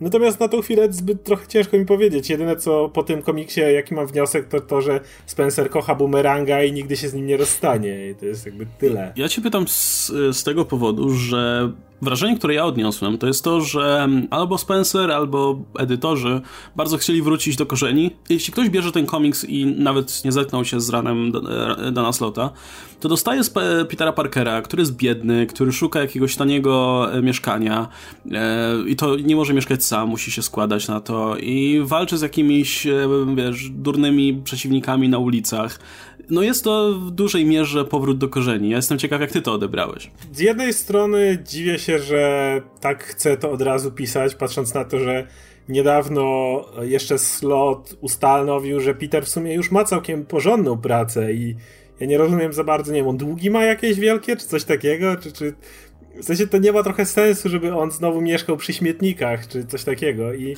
no drogie, nie jestem... drogie są mieszkania w Nowym Jorku. z drugiej, z drugiej strony już, już u Slota było, jak on tam pomieszkiwał tej Mockingbird. Tak, ale, bo nie miał pracy, ale niedługo później dostał i to naprawdę ale konkretną jest, pracę. Ale, jaką konkretną? On jest dziennikarzem. No ale, ale nie jest jakimś tam podrzędnym, tylko jest szefem całego działu naukowego w no największej gazecie. No jeszcze naukowego, panie. W największej gazecie w Nowym Jorku cały no, czas. To dalej nie pomagasz sobie. No, to, to nie są pieniądze. Jak jesteś szefem działu naukowego w największej gazecie w Nowym Jorku, w umówmy się świecie, gdzie opisywanie, jak y, działają niektóre gadżety superbohaterów, y, jest trochę ciekawsze nawet dla przeciętnego gościa, który cały czas widzi, jak one mu nad głowami latają. To nie jest praca za, za pieniądze, gdzie mieszkasz za, przy dwóch śmietnikach, bez przesady. Mm, więc z jednej strony y, spoko, widzę ten, tego zabawnego Spidermana, którego chcę przeczytać, ale mam nadzieję, że Spencer szybko go z tego wyrwie. Znaczy, tak, on ma być przegrywem, Spider-Man zawsze jest przegrywem, ale ja już trochę zmęczony jestem Spider-Manem, który musi mieszkać z współlokatorem. Jakby, ja już to czytałem trzy razy. Spider-Man już jak z Johnem Stormem mieszkał, to było całkiem zabawne swego czasu i tak dalej, ale to już tyle razy było wałkowane. No ale wiesz, fresh start. Mają nowi czytelnicy no, sięgnąć po tego Spidermana, nie? No okej, okay, no mówię, jest, jeżeli to jest tylko wprowadzenie... Moment, jednak wiesz, zawsze równasz Spidermana do tego poziomu dwóch świetników za oknem, nie?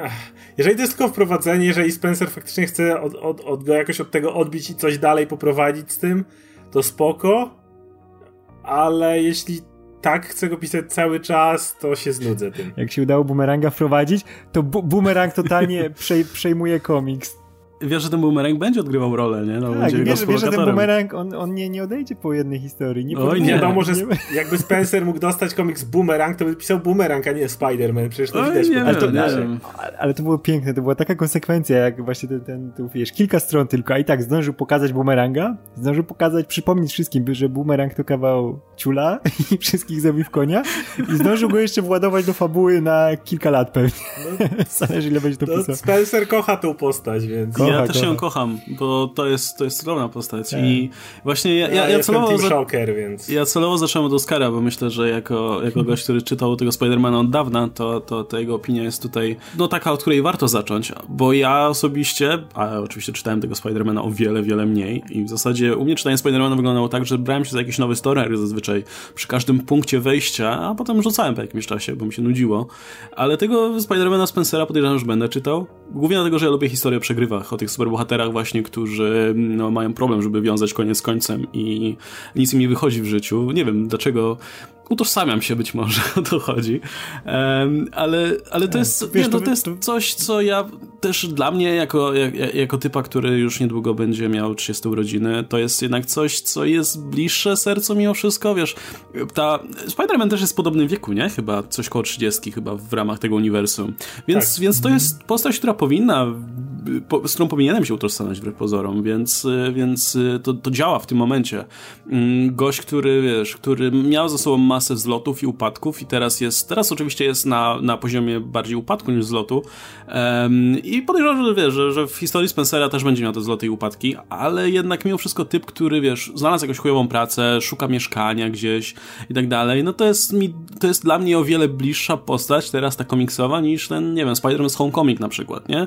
No, z racji wieku chociażby i z racji, nie wiem, jakichś życiowych doświadczeń i tak dalej, więc ja tym chętnie będę czytał go Spencera, tak jak czytałem Antmana od Spencera, z którym się też bardzo mogą utożsamiać, bo, bo też miał dylematy, które no 30 mm, powiedzmy letniego czytelnika dużo bardziej interesują niż to, co przeżywa Miss Marvel czy ktoś inny, nie? Właśnie chciałem, chciałem to powiedzieć, że właśnie jego, jak wystarczy, żeby to było tak dobre jak Ant-Man, nie? Który był ultimate życiówką. No nie wiem, czy będzie tak dobre jak Ant-Man, ale widzę, widzę parę rzeczy no, tutaj z Ant-Mana. Widzę tych parę mm. takich charakterystycznych znaczy, wiesz, rzeczy. Ant-Man, mm, bo Ant-Man był na pewno, wiesz, miał, dawał większe pole do popisu, nie? Bo to jednak było, no, Scott Lang był w pewnym stopniu czystą kartą. Jasne. Nie? Tam lekko zapisaną, nie? A no, on był też zawsze przegrywem. No i zawsze był A... przegrywem.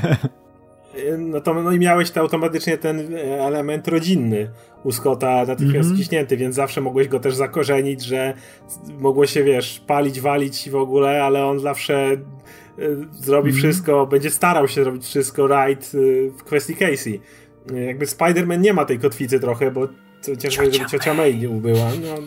Nie, ale wydaje mi się, znaczy podejrzewam, że właśnie im więcej komiksów ma się na, na koncie, tym, tym inne ma się zdanie, ale mm -hmm. wydaje mi się, że takie powszechne pojęcie o Spider-Manie to jest właśnie ta kotwica w postaci bycia trochę przegrywem, tym typem, który ma trochę mm. problem mimo wszystko, żeby być superbohaterem. Jakby jasne, ma poczucie, wiesz, ma poczucie obowiązku, że okej, okay, mm. trzeba tego szokera zgarnąć, który obrabia bank, ale z drugiej strony, kurde, tu mam rozmowę o pracę albo coś w tym stylu.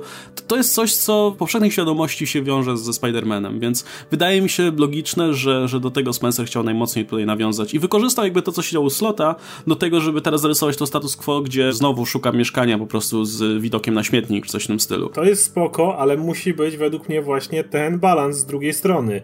I yy, jakby u Spencera w Gigantmanie były te momenty, kiedy jesteś dalej przegrywem, ale masz ten moment jakiegoś mikrotriumfu. Na przykład jedna z moich ulubionych scen, to było chyba w pierwszym zeszycie, tym, który był Giant Size, jak e, Ant-Man kończy bez mieszkania, bez pracy, tak, tak, ale z córką oglądają na dachu w tym y, plastikowym. O Jezu, ale to było piękne, po prostu jak on odrzucił tą pracę u Starka, wymarzoną, po prostu dobrze płatną i tak dalej, tylko po to, żeby spędzić czas z Casey. Z, z Casey. Dokładnie, tak ale, ale wiesz, jeden masz tego przegrywa, ale coś wygrywa, bo wiesz, że to jest dla niego najważniejsze w życiu. I e, nie chcę tutaj wracać do wiadomo czego, ale u Spider-Man przez długi czas też miał ten element, że z pracy go wywalali, nawet z mieszkania ich wywalali razem z Mary Jane ale, ale jakby jeszcze wi wiadomo, co było dla niego ważne. Od, wiadomego, od wiadomo którego punktu brakuje mu trochę tej kotwicy z drugiej strony i dlatego Slot w dużej mierze budował Spidermana na karierze, żeby on osiągał jakieś sukcesy pod tym kątem.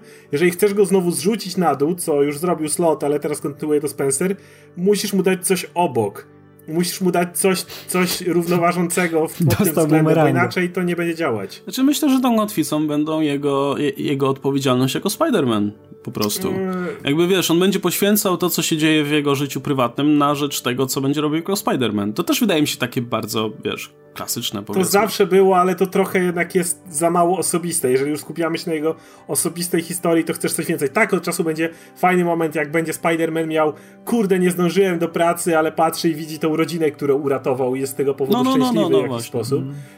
Na, na, na, w paru historiach to zadziała, ale jednak to nie ma takiego ładunku znaczy, emocjonalnego jak jak znaczy, wiesz, oglądający pewnie... z swoją córką e, Ant-Man, nie? Ten film, czy coś takiego. I Spider-Man to miał, ale wiadomo, stracił i, i brakuje mi tego takiego, te, tego miejsca. Pewnie go znowu w jakiś związek, wiesz, władują. Nigdy żaden związek nie wyszedł od wiadomo no kiedy. No nie, nie, ale wiesz, ale to, to, to tak działa ze Spider-Manem, że... że w coś go wikłają. Ja zarzucę kontrowersyjną opinią. Ja nie chcę żadnego związku, ani żadnej znaczy jak się trafi jakieś ok, ale w sensie, nie wiem, ja przeczytałem ten zeszyt i to, to był dla mnie o wiele bliższy bohater niż to, co czytałem u Slota do tej pory. Ja właśnie chcę zobaczyć Spidermana, który się jara tym, że, że kogoś uratował i, i to, to mu wystarczy.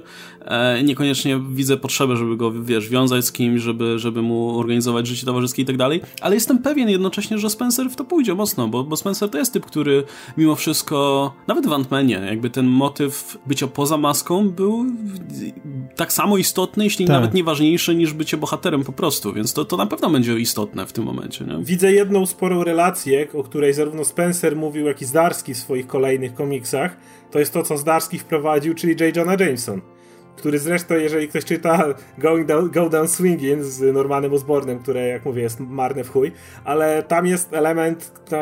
J. Jonah Jameson generalnie przypadkiem się wygadał Normanowi, że Peter Parker i Spider-Man to ta sama osoba. Więc wszystko od tej pory, co się spierdoliło, wszystko złego, co dotyka Petera, co robi mu Osborn, jest niejako od J. Johna.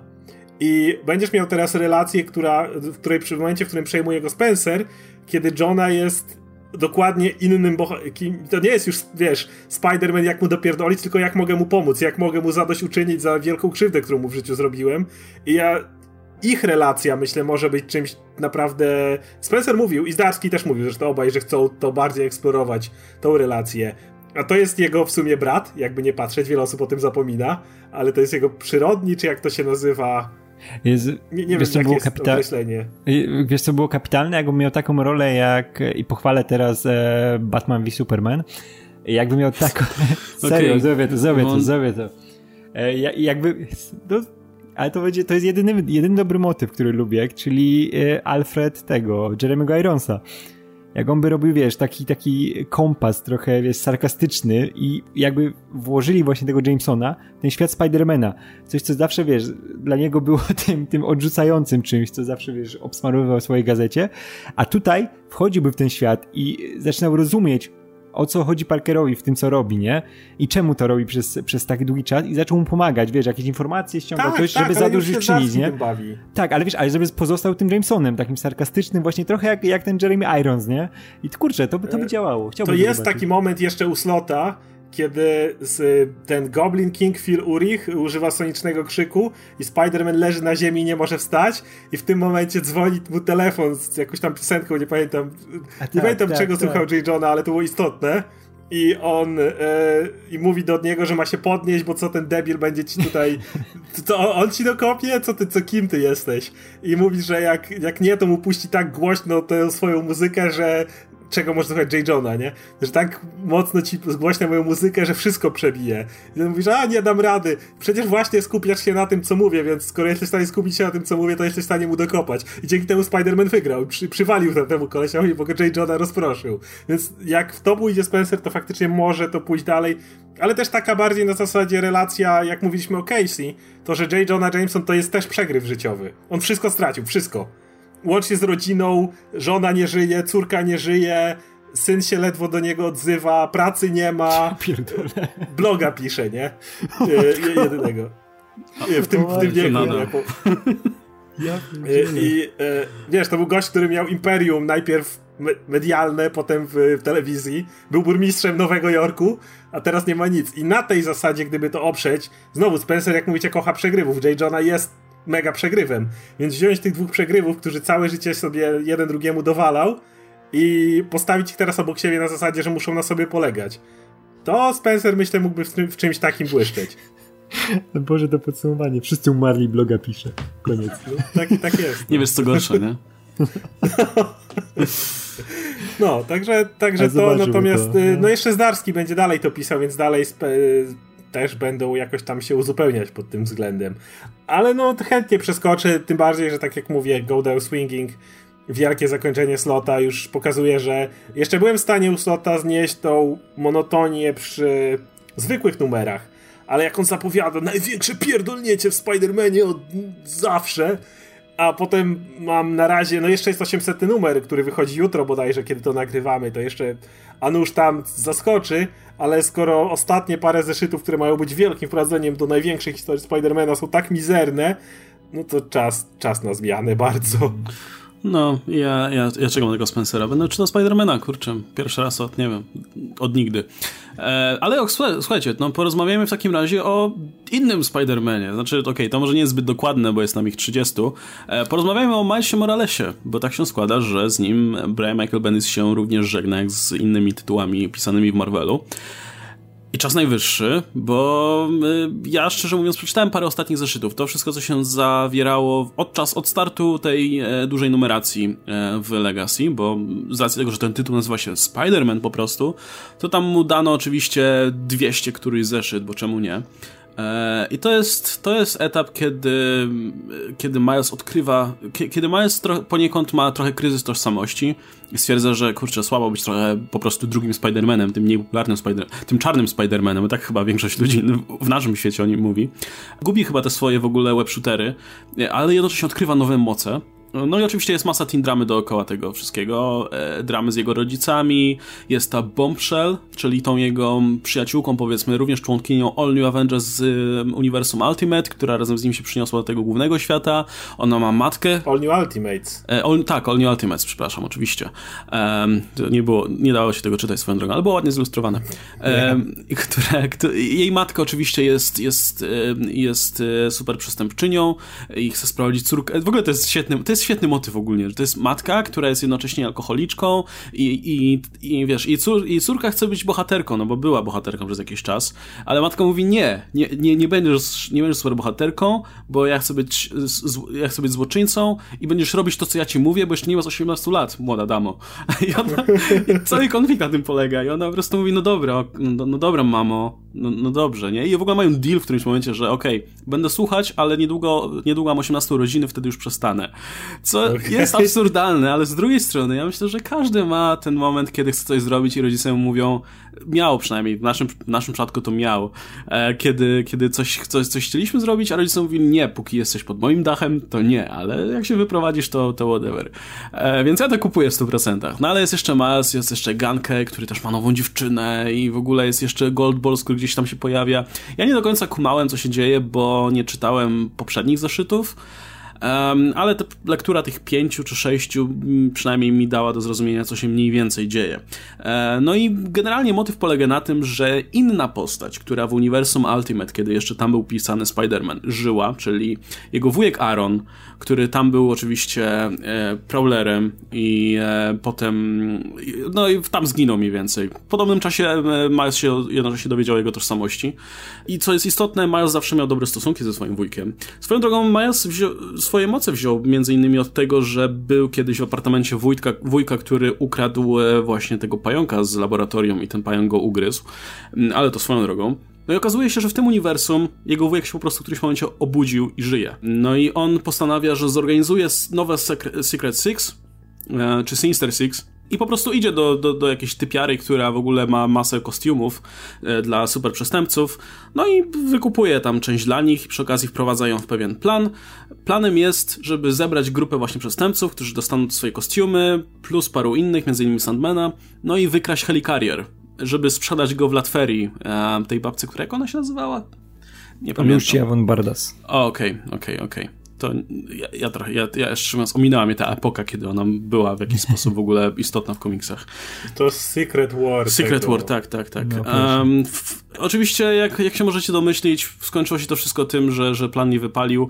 Miles, Milesowi udało się powstrzymać swojego wujka, udało się powstrzymać tą, tą, tą cyber, um, cyberlaskę z, z Latverii i generalnie to się kończy takim, moim zdaniem, przeciętnym finałem, gdzie Miles po prostu leży w łóżku i masa po, ranny oczywiście i przechodzi przez te wszystkie zmiany i tak dalej i masa ludzi go odwiedza i Spider-Man, Peter Parker tam za oknem wisi sobie na hamaku z nici i odwiedza go, go Gankę i Gold Balls i jego rodzice i wszyscy mówią Miles jesteś spoko, a Miles mówi yeah, jest fajnie i w sumie tyle. I kończy się to tym, że. I kończy się to takim cliffhangerem, który nam sugeruje, że oczywiście losy Milesa będą kontynuowane w jakiejś serii, która wciąż jeszcze też nie została zapowiedziana, e, gdzie Spider-Man Miles Morales będzie członkiem czegoś większego, będzie członkiem jakiejś tajemniczej operacji.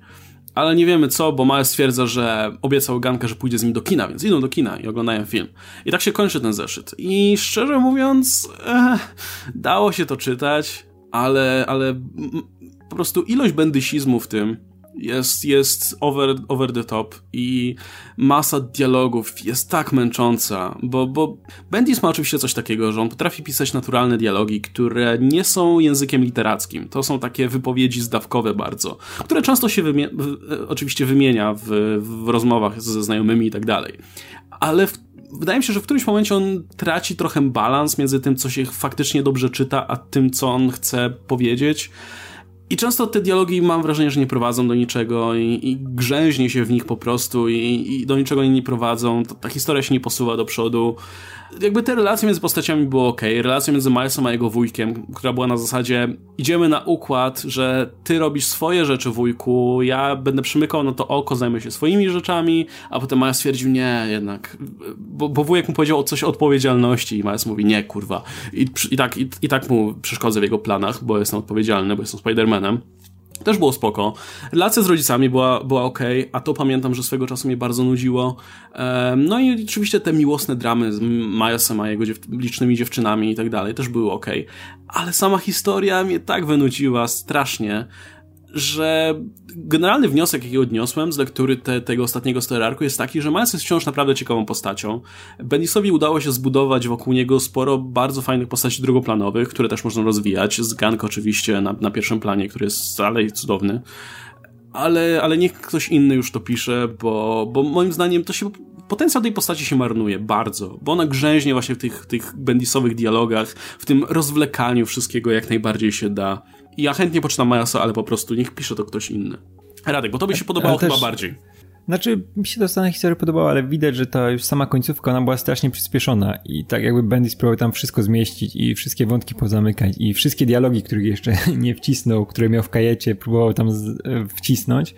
No i to, to ta końcówka, końcówka czytało ciężko, ale sam początek tej historii Sinister Six i to właśnie, że wrócił jego wujek i ta jego relacja z wujkiem, kurczę, to jest fajna rzecz, szczególnie, że Bendis umie w, w te rodzinne rzeczy się bawić, nie? I, i ten Aaron od, od początku, od jego jeszcze jak pracował przy Ultimate, no była świetna postać i no, stanowiła taką przeciwwagę do, dla tego swojego właśnie e, brat, bratanka Milesa. I, I to działało. I kurczę, i tutaj fajnie do tego powrócili. E, kroiło się tego coś fajnego, ale widać było, że Bendis musiał swój kram zamykać przed, przed tym wielkim przejściem. No i, i ten ostatni numer, no nie podobał mi się tak jak to poprzednie. Szczególnie, że tam w tym poprzednim, no to też nie, nie mówię, że to była jakaś super wielka historia, nie? Bo tam to było jednak nadbudowane tymi wszystkimi wątkami niepotrzebnymi, tym bombshell z, z tą swoją córką, co już było za dużo w tym, w tym, tym, tym, tym całej sałatce dobrych rzeczy próbował zmieścić, ale sam ten wątek, ta podstawa, czyli powrót dwójka tego Arona, jego właśnie konflikt z Milesem, który jest no, taki niejednoznaczny i, i no, jednak rozbudowany na tych całej tej nadbudówce rodzinnej od lat.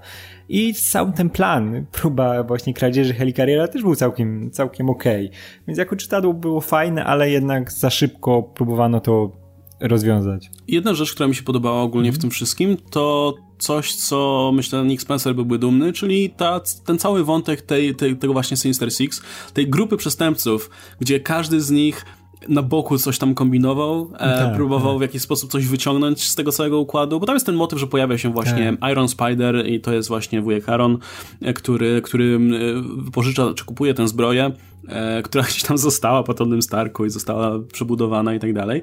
E, no i on stwierdza, że zbierze ekipę właśnie, żeby ukraść ten helikarier. No i oczywiście ci ludzie trochę mu nie ufają, no bo pojawia się jakiś typ w kostiumie no. pająka i mówi, ej, ukradnijmy helikarier, e, który jest pilnowany przez Red Hulka swoją drogą. E, I no i oni, wiesz, i, i na przykład e, Hobgoblin, Roderick, nasz tutaj ulubiony, e, stwierdza, że okej, okay, to sprzeda ich wszystkich tutaj, czemu nie? Pierwsze co, nie? To I, i, i mało tego, oni się w którymś momencie, ta cała ekipa się dowiaduje, że on ich sprzedał, więc co robią? Stwierdzają, okej, okay, to wyjebmy go za burtę, jeśli nas sprzedał, to, to słabo. No i go wypierdalają za burtę, gdzieś tam leci w ogóle, w, w, do, wkłada do wody czy coś, bo mnie zginął. I wiesz, to jest coś, co faktycznie ludzie tacy jak oni by zrobili. Wie, wiesz, ale, że zginął podłożony ktoś. Ale jest fenomenalny moment, moim zdaniem, jak y, Sandman, który jest przestępcą, ale to jest taki niejednoznaczny przestępca, z trochę z kręgosłupem jakimś tam moralnym. Jest moment, kiedy ta bombshell, ta, ta, ta matka uży, użyła powiedzmy tej, tych swoich mocy na, na córce, nie? I on po prostu uderza w ten sposób. I on w którymś momencie mówi, nie podniesiesz na nią ręki więcej, nie? Jest ta Elektro, która, do, do której właśnie Sandman mówi, że ej, słuchaj, czemu w ogóle kontynuujesz dziedzictwo tego, tego przegrywa? Maxa Dillona, jakby on dla każdego był przegrywem i czym więcej. Ona tak, no w sumie, wiesz, wprowadził, go, wprowadzi, wprowadził ją w jednym zdaniem w tej kryzy, cały kryzys tożsamości, gdzie zaczęła kwestionować, czy, czy w ogóle warto być elektro. I, I, te wszystkie takie małe rzeczy by, były bardzo fajne, ale właśnie problem jest z tym, że, że to jest jednak komiks o Milesie, i Miles, Miles jako taki nie jest złą postacią, nie jest źle pisany czy coś, ale chciałbym, żeby on jednak kurczę się rozwinął w jakiś sposób. Jednak danie mu nowych mocy to, to nie jest to jednak czego oczekujesz, mówiąc o, o rozwijaniu się w pewien sposób, nie? Więc ja jestem, ja jestem bardzo ciekaw, co jakiś ewentualny nowy scenarzysta, też ciekawy, kto, kto się nim zajmie, wniesie do tej historii, bo to jest wciąż postać z dużym potencjałem. Tym bardziej, że Bendis ją zostawia w ciekawym punkcie w tym momencie, gdzie, gdzie e, gdzie w zasadzie nowy scenarzysta może zrobić wszystko z nim w tym momencie, bo on leży w tym łóżku, ma te zmiany w swoim ciele i tak dalej, ale czym one będą skutkować? Czy, czy Miles dostanie dalej jakieś nowe moce, czy wróci po prostu do bycia Spider-Manem 2, czy nie? To wszystko będzie zależało od nowego scenarzysty i to, to jest bardzo fajne, że, że w dobrym punkcie zostawia tę postać, że, że nowy twórca będzie w stanie mimo wszystko, jeśli to będzie oczywiście utalentowany człowiek, będzie w stanie zrobić coś wreszcie ciekawego z tą postacią, bo już należy mu się od dawna moim zdaniem. Oskar, ty czytałeś ten ostatni zeszyt. Jak, jakie są tak, twoje wrażenia? tylko ten ostatni zeszyt. I ten ostatni zeszyt mi się podobał. Nie miałem pojęcia, co się właściwie dzieje. Znaczy, rozumiałem, że tą końcówkę, że wujek spadł i Majsowi jest przykro i Majs jest chory, czy coś. Ale wiedziałem jakby o co chodzi w samym tym ostatnim zeszycie. To było ewidentne pożegnanie Bendisa z postacią. I pod tym względem ten ostatni zeszyt działał. Nie dałbym rady przed całego ranu, bo co do niego wracałem, to się od niego odbijałem. Ja nie jestem aż takim fanem Milesa też. Lubię go jako, jak się pojawia w różnych historiach. Jego run był ok, ale jak przeszedł do tego uniwersum, może stracił coś wyjątkowego, albo po prostu Bendis go nigdy nie pisał na tyle dobrze, żeby go tutaj naprawdę dobrze ugruntować. Więc y, podobało mi się w tym ostatnim ranie to, jak na przykład Stark się pojawia, jak Gankę pyta o ulubionego bohatera, widzisz Spidermana w hamaku, który gdzieś tam leży za oknem. E, to było całkiem urocze zresztą. To, to jest właśnie taka scena, która, która była trochę przeciwieństwem tego, co, co e, od drugiej strony pokazane, to o czym mówiłem przy Spencerze, że właśnie taki moment, kiedy Miles, nie, kiedy Peter nie poszedł do pracy, bo całą noc wisiał na, na, na hamaku z sieci przy Milesie, który gdzieś tam jest chory. O tego typu relacje to, to jest coś, co lubię bardzo. E, ale więc okej, okay, ładne, urocze pożegnanie, ale na pewno niewystarczająco dobre, żeby stwierdzić, o kurde, muszę nadrobić cały run teraz, który był. E, nie. No, także ja, ja z przyjemnością dowiem się, kto będzie pisał tę serię dalej, bo myślę, że te parę miesięcy bez Milesa to, to będzie dobra przerwa, a potem że ktoś utalentowany przejmie tę postać, bo za długo jednak będę ją pisał, mimo wszystko. E, I wyjdzie to wszystkim na dobre. Zresztą chyba Jessica też nie ogłoszono, kto będzie pisał Jessica, nie? Nie, nie ogłoszono no, cały Także czas. czekamy cały czas, kto się zajmie tymi rzeczami od Bendisa, ale jak już mówimy o Bendisie, to i mówiliśmy też o darmowych komiksach, to co prawda nie jest to komiks na Free Comic Book Day, ale DC przygotowało coś, co się nazywa DC Nation i to będzie magazyn darmowy, który będzie rozprowadzany oczywiście w sklepach z komiksami, więc możecie pytać też polskich sklepów sprowadzających komiksy z USA, czy, czy, tego, czy tego nie będą sprowadzać. I Zerowy Zeszyt nie jest do końca magazynem, jest magazynem komiksowym. Mamy tam trzy historie, które służą jako prologi do nadchodzących rzeczy z DC. Mamy tam m.in. historię związaną z Batmanem i wesel, weselym ślubem e, Catwoman i, Bat i Batmana. Historia opowiadająca o Jokerze, który udaje się do jakiegoś kurwa randomowego domu, E, i, i terroryzuje go właściciela, mm, stwierdzając, że czeka na zaproszenie na ślub, co jest, co jest mega creepy. E, I to pisze oczywiście Tom King. Mamy drugą historię poświęconą Supermanowi, e, czy raczej nawet nie tyle Supermanowi, co bardziej Clarkowi Kentowi i jego, i jego pracy w Daily Planet i dowiadujemy się, że Lois Lane gdzieś zniknęła, nie wiemy gdzie jest. No jak było zapowiadane od dłuższego tak, czasu. Tak, więc Clark ma mocny ból dupy nie może się skupić na pracy i tak dalej, i tak dalej. No i mamy trzecią historię e, poświęconą Justice League, która jest wstępem, pisana jest oczywiście przez Scotta Snydera. E, a, oczywiście Superman jest pisany przez Briana Michaela Bendisa. Ponownie jest to wstęp do jego Man of Steel, do jego miniserii. No i ta trzecia historia jest pisana przez Scotta Snydera, a także Joshua Williamsona i Jamesa Tiniona. I jest oczywiście wstępem do um, No Justice, czyli tej miniserii poświęconej Justice League. Słuchajcie, jakie są wasze wrażenia na temat Destination? Moim zdaniem fajna rzecz, bardzo, bardzo fajny pomysł ogólnie na to. Nie wiem, czemu to nie zostało podpięte pod Free Comic Day mimo wszystko. Tym bardziej, że DC nie robiło żadnego komiksu na Free Comic Day poza jakimś chyba tym Um, Super Hero Girls. O, DC tak. Super Hero Girls, to jest to. No. Okej, okay, to komiks, komiks na podstawie tego, to była jedyna propozycja od DC na Free Comic Book Day, ale poza tym zrobili też to właśnie mm, tę DC Nation. I to było fajne właśnie pod tym względem, że podoba mi się ten pomysł właśnie zrobienia tych prologów, szczególnie, że one były naprawdę nieźle napisane. Poza tym Bendisa, kurczę, nie chcę, nie chcę wyjść na typa, który ma jakieś, jakieś uprzedzenia do Briana Michaela Bendisa, bo masę jego historii ja bardzo lubię, ale to była ta, ta, ta, ta historia, która mi najmniej tutaj podeszła. Ta z Batmanem moim zdaniem była fenomenalna. Może jakby była dłuższa, to by zrobiła większe wrażenie. Trochę wiedziałem, jak się skończy, ale i tak moim zdaniem była bardzo creepy i, i świetnie zilustrowana e, przez Clayamana. E, jest ten moment, Joker wygląda fenomenalnie tutaj i też nastawia się na, ten, na, na, na, to, co Joker zrobi na tym ślubie, bo wiesz, że coś zrobi. Oczywiście będzie zaangażowany w ślub e, Batmana i e, Catwoman.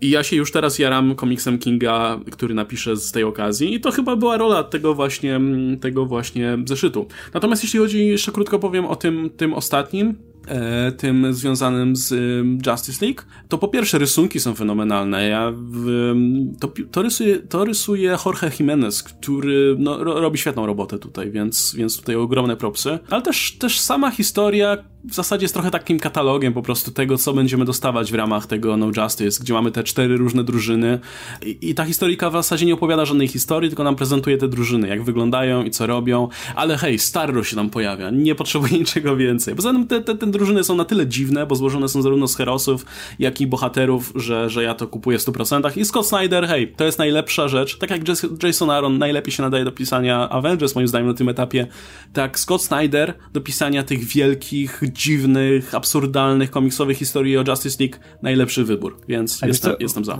Fenomenalna w fabule jest ten moment, gdzie e, chyba, chyba Batman to wtedy prowadził narrację, że mówi wprost, że te składy tych drużyn są popierdzielone całkowicie i nie mają sensu, nie? Jest tam taki moment, że, że to miało być jak... Tak, tak, tak, jest. No. Jest, jest. Że one są kompletnie dziwne. Tak, tak, tak. I to, to jest no tak, fajne. Że... Tak. Szczególnie, że każdy zespół on jeszcze by przeszedł, ale ma jedną taką postać, która tam zupełnie nie pasuje, nie? Nie, mi się strasznie na przykład podoba team-up e, Batmana z Lutorem, bo to są postacie, mm -hmm. wiesz, podobne do siebie pod wieloma względami, nie? Tak, nie, wiesz, super inteligentne postacie, które jednocześnie mają technologię i tak dalej, gadżety i tego typu rzeczy. Jednocześnie mają ten trochę kompleks Supermana, bo są tak, w nim w tak. jakie, z nim w jakiejś relacji cały czas, I, a jednocześnie też sami ze sobą nie wchodzą aż tak często w jakąś relację, więc to jest, to jest świetna rzecz, która, która tutaj będzie pasować. I, no, I tak jak mówisz, dokładnie, w każdej drużynie jest jakaś postać, która tam nie pasuje, wiesz, ten Starro, um, nie wiem, Lobo tak, i tak dalej. To, to Harley takie, Quinn. No. Tak, Harley Quinn, masz taki, taką postać, która jest nieprzewidywalna, więc jest tutaj, myślę, spore pole do popisu dla scenarzystów. Jeśli chodzi o ten cały Destination, ten z Jokerem to był świetny, to była świetna mi, mi historyjka. Ale właśnie... King lubi takie rzeczy, nie? Tak jak była ta historyjka z tym właśnie Bruce'em Wayne'em nowym, tak? I, i to, to jest coś w tym stylu, gdzie masz tylko jedną krótką historię z tak. mocną puentą i do widzenia, nie? I to pokazuje właśnie, że King bardzo umie pisać krótkie, zwarte historie. Jak bardzo lubiłbym Bendisa w wielu jego historiach, on tego tak bardzo nie potrafi. Bendis nie jest w stanie napisać historii, która nie będzie super długa. Czasami wyjdzie to na dobre, czasami to jest fajny, ta, fajny tasiemiec, fajny serial, a czasami nie. Natomiast on nie umie pisać krótkich rzeczy. Tak samo ten Superman z Action Comics 1000 ta jego historia wyszła prawdopodobnie najgorzej, bo to jest ten uryweczek, a Bendis musi tam dać cliffhanger, musi tam dać jakiś, wiesz, jakąś niesamowitą rzecz, która może by działała, gdyby nie to, że, że pisał to od pięciu stron i w sumie nic więcej tam nie wrzucił. I tutaj działa to podobnie właśnie. Masz tą tajemniczą panienkę, która zaraz przejmie wszystko i nie, i nie masz w tym komiksie tak naprawdę nic więcej, e, bo, nie wiem, Bendis nie, nie stanie się w tak małym, na tak małym obszarze zmieścić, jeśli chodzi o, o jego styl. Może gdyby to był pełen zeszyt, ja nie będę oceniał, póki nie dostanę pełnych zeszytów jakby Bendisa mm, twórczości tego Supermana, ale widzę, że nie potrafi. Natomiast no wiadomo, ten e, Snydera to była taka, no taki rozstawienie pionków. Patrzcie, będzie taka duża, taka, taka i taka i będziemy nad tym pracować. E, I też mamy Celestiale to, jakby co, więc... Tak, mamy cztery galaktusy, które zjadają galaktyki. E, więc wiesz, to jest taki ha, galaktus je planety, ja, moi będą wpierdalać galaktyki. Ładne są, ale to nie Kirby, przykro mi. Tak, niestety. E, więc, no i jasne, fajnie, że tu masz Starro na przykład w jednej drużynie, którym rzucają w wielki. Rzuć mnie, rzuć mnie w ten... Rzuć mnie w ten wielki mózg. Po, potem, podjaran, podjarany Staro. Podjarany Staro, tak. Podjarany Staro to jest pewnie najfajniejsza część tego, tego, tego, tych wszystkich zespołów. No masz ten, ten, ten zespół z, e, od Cyborga, gdzie też wiesz, że będzie tam dużo tarć, więc wiadomo, jak jest Damian, to muszą być tarcia, ale nie tylko. A jest Atom, który go prowokuje, więc to mogą być fajnie napisane drużyny, które faktycznie będą działać. No, masz Supermana i Sinestro w jednej drużynie. No, ciekawe, do czego to doprowadzi. Więc y, to, to, to, jest, to jest fajna zapowiedź, ale najlepiej wypada Kinga, ta historyjka. I e, wydaje mi się, że tego typu historie powinny właśnie jedną. To, to, nie nadaje się tak dobrze do tego, co zrobił tu Bendis tego kilkuzeszytowe. I tak samo dlatego ta Bendisa była najgorsza w y, Action Comics 1000. Ja nie lubię takich trailerków ten sposób pisanych w paru stronach. Jeżeli mówimy o po prostu zaprezentowaniu nam składów drużyn, to ma jeszcze sens. Natomiast y, trailerek co do tego, patrzcie co będzie w tej historii, y, nie działa to tak dobrze, jak masz tak ograniczoną przestrzeń. Dużo lepiej to działa, jak masz Kinga, który opowie ci jedną mini historyjkę i i według mnie, jeżeli, jeżeli będą chcieli dalej takie magazyny robić, to wolę więcej tego typu treści niż.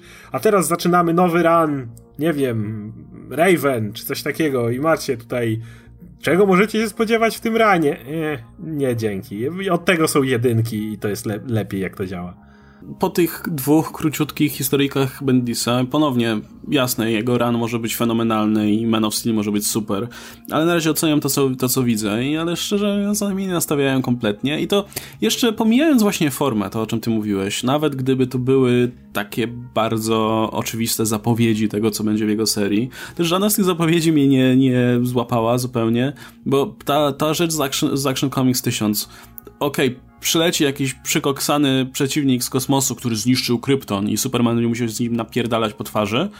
A, a, tutaj mamy, o, jest jakaś tajemnicza dziennikarka, która się pojawia na miejsce Lois Lane i ona ma jakieś niecne plany. I jeszcze na koniec, wiesz, pije ten alkohol patrząc w dal i mówi, że o, przejmę to miejsce, nie? I tak, o, super, no naprawdę, to jest coś, co mnie interesuje w Supermanie. To jest, to jest coś, co uwielbiałem po prostu czytać w Supermanie, po prostu jacyś wydumani przeciwnicy, którzy mają niecne plany i tak dalej. No, no nie, zupełnie nie, ale okej. Okay. Znaczy, widać tutaj zupełnie, ponownie mogę się mylić, ale widać póki co trochę zmianę jednak kursu zupełnie, wiesz, odbicie kompletnie od tego motywu rodziny i tak dalej, na rzecz właśnie jakiejś intrygi w Metropolis i tak dalej. Po, oczywiście Tomasi pożegnał się z Hamilton i tak dalej. E, nie wiem, czy jestem szczerze mówiąc zadowolony z tego zupełnie. Wydaje mi się, że gdyby to, jeśli to będzie fantastyczna seria, to pewnie przyjmę to, ale jeśli będzie przeciętna, to i mimo wszystko boję się, że się odbije po prostu od Supermana w tym wydaniu. Ja miałem tak na początku, że podobało, podobało mi się to, że jest coś nowego w Supermanie, jeśli chodzi o to przegadanie, wiesz, oni siedzą w tym, w tych swoich ściankach, nie, tam w redakcji Daily Planet, zaczynają gadać, ale kurczę, jak to trwało i było coraz więcej tekstu i pojawiła się ta bohaterka, która powinna cię już, wiesz... Ona była najgorsza. Ona była najgorsza i wiesz, a to jest taka postać, która musi cię złapać od pierwszych stron, bo jak cię nie złapie od pierwszych stron, to jest to wiesz, że to, to nie, nie pójdzie w dobrą stronę, to nie będzie ciekawa postać. A ona była tak nudna tak nieciekawa, nie mam w ogóle, nie, nie chcę wiedzieć, Ale... co się będzie dalej z nią działo. I Właśnie po co Bendis od razu wyłożył karty na stół? To nie jest intrygujące. Ja, jeżeli dla pięć zeszytów by się okazało, że ona jest jakaś tam, ma jakieś sama e, koneksje i coś tam próbuje osiągnąć, byłoby to dużo ciekawsze. Właśnie problem Bendisa jest ostatnio w bardzo wielu miejscach taki, że jak wprowadza jakiś wątek, to nie może się to czekać, żeby zatizować go czytelnikom.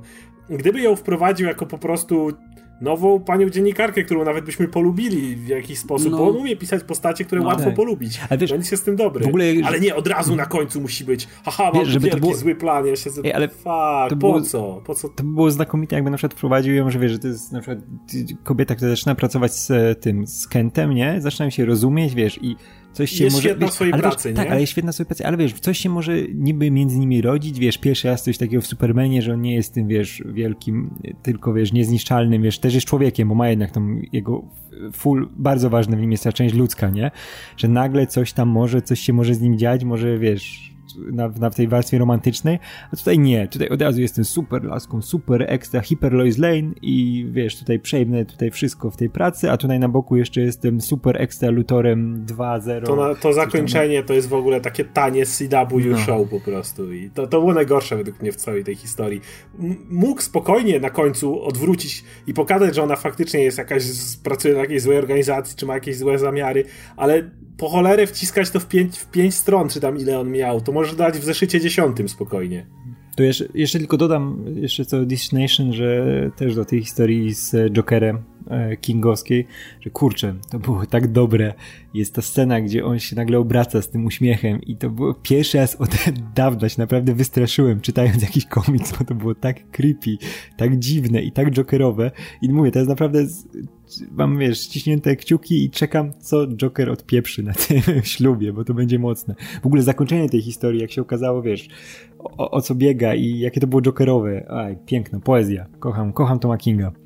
Tak, i to było, to raz, że było dobrze napisane, z taką masą napięcia, nie wiesz, co Joker zrobi, co, co jest esencjonalną częścią tej postaci, nie? Że nie wiesz, czy, czy on żartuje, czy nie, czy chce cię zabić, czy cię nie chce zabić, czy tylko chce cię przestraszyć, bo go to bawi. I to jest po prostu Świetne i, i, i no i mówię, to, to, co powiedziałem wcześniej, to mnie nastawia bardzo, bardzo z, pozytywnie. Czekam z ogromną cierpliwością na to, co King zrobi z Jokerem właśnie w, w kolejnej, regularnej już historii, bo, bo widzę, że, że ma pomysł na tę postać, nie? Kim ona będzie w tym, w tym story arku. Słuchajcie, to pomówmy dla odmiany o dobrej antologii. Nie wiem, czy czytaliście Thanos Annual mówiliśmy oczywiście ostatnio o, o zakończeniu serii Donego Catesa, e, ale wiem, że nasi słuchacze bardzo lubią tę serię i miejmy nadzieję, że to także dzięki nam, bo jest, jest fantastyczna. I to jest moim zdaniem świetna antologia, bo ona ma też w kontekście Action Comics ostatniego. Oczywiście, wiecie, Thanos Annual to nie jest, nie jest Action Comics 1000 czy coś, ale wciąż jest to antologia historyjek o Thanosie. Ale to, co mi się podoba tutaj, to jest to, że jest, jest motyw przewodni tutaj, jest fajna konstrukcja. Jakby to wszystko są historyjki opowiadane przez kosmiczne Cosmic Ghost Ridera, który notabene dostanie swoją miniserię niebawem. E... Opowiadane Odynowi, to też jest no bardzo istotne. Tutaj trzeba dodać, że to jest najpiękniejsza zapowiedź od dawna jakiejś serii, która nie jest taka na hama, oj tylko tak, wiesz, tak, prowadzona jest ta narracja Ghost Ridera i ona prowadzi do tego, żeby zapowiedzieć, o, on powróci w Cosmic, e, ten, Cosmic Ghost Rider, nie? To tak. jest piękne. Tak, i jednocześnie wszystkie historie mają ten swój główny motyw przewodni, jakim kutasem jest Thanos. E, wszystkie są dokładnie o tym, jakim, jakim skurczybykiem jest Thanos. I to też są króciutkie historie, bez jakiejś wielkiej puenty czy coś w tym stylu. Mogą, wiesz, urywają się w którymś momencie, nie są skomplikowane, ale jednocześnie wiesz, co każda z nich ma wnieść, wiesz, co każda z nich ma powiedzieć. Więc może zamiast omawiać całość, pomówmy sobie o naszych ulubionych. E, moją ulubioną zdecydowanie jest ta krótka historyjka Ryana Norta e, pod tytułem, niech no znajdę, That time Thanos helped the old lady cross the tak. street. I to jest, o Boże, jak to jest jeśli tytuł ale... wam się wydaje zabawny, to jest zabawne, ale ta historia jest tak królewsko mroczna w ogóle i, tak. i, i, pesymistyczna po prostu. Ja w którymś momencie stwierdziłem, Jesus, co się dzieje w życiu Ryana Norta? Widzę, że jednak pisanie tej, tej, tej Squirrel Girl naprawdę, wiesz, zabija duszę czy coś w tym stylu, bo, bo, bo to jest historia, która jest naprawdę przerażająca. To jest generalnie historia o tym, jak Thanos, mając rękawice nieskończoności, widzi rzeczy, których normalnie nikt nie widzi, więc udaje się no, na ziemię... Time, time Jam, nie? Tak, więc udaje się na ziemię, widzi rozmaite wersje rzeczywi- y, przyszłości i tak dalej. Więc udaje się na ziemię, pomaga staruszce przejść przez ulicę, e, chwilę z nią rozmawia. Wszystko po to, żeby jedna dziewczyna, która siedzi sobie w autobusie, która, żeby jej, żeby w jednej z wersji z przyszłości ta sama dziewczyna mogła wynaleźć lek na raka, zakończyć głód na świecie i tak dalej, i tak dalej, odkryć masę rzeczy, musi się zderzyć z jedną osobą na ulicy. I Thanos stara się nie doprowadzić, znaczy, no aktywnie, nie doprowadza do zderzenia się. W związku z tym ta osoba nigdy się nie zderza z tą osobą, w związku z tym spędza wieczór siedząc, oglądając telewizję i jej życie przebiega kompletnie inaczej, tak, że po prostu się starzeje i niczego nie osiąga w życiu. Mało tego, Thanos na łożu, kiedy ta osoba już jest na łożu śmierci, Thanos przychodzi do niej i pokazuje jej tą wizję przyszłości, w której osiągnęła tak dużo. I to jest ostatnia rzecz, jaką widzi przed śmiercią wow, po prostu. No. I to jest, ogólnie... to jest kilka stron. Mhm. I po prostu to mnie zniszczyło emocjonalnie na cały wieczór. Wszystkie te historie są kurewsko popieprzone. Łącznie z tą, e, gdzie on leci na planety sympatycznych pluszaków. To jest też tak po... To jest tak fucked up po prostu ta, ta no. cała historia. Ale właśnie świetne w tym całym manualu jest to, że one mają motyw przewodni, jakim jest Thanos, który czyni zło na wszystkich poziomach bo jak myślisz sobie Thanos, to myślisz sobie tylko o gościu, który przyleci, rozpieprzy planetę, zniszczy populację czy coś takiego, ale jakby to, co on robi, to jest dużo gorsze.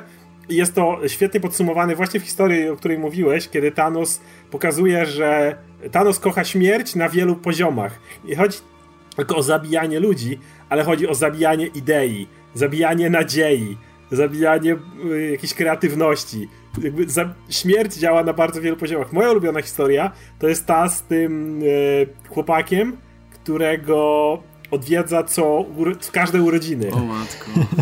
To jest jedna z najgorszych rzeczy. Jest sobie dziecko, małe dziecko, ta historia zaczyna się, kiedy małe dziecko się rodzi e, i, i, i tyle. Mały David przychodzi na świat i rodzice zabierają go do łóżeczka i mówią, o witaj w, e, happy birthday David, kochamy cię. I nagle pojawia się ręka Thanosa i kradnie temu dziecku kocyk.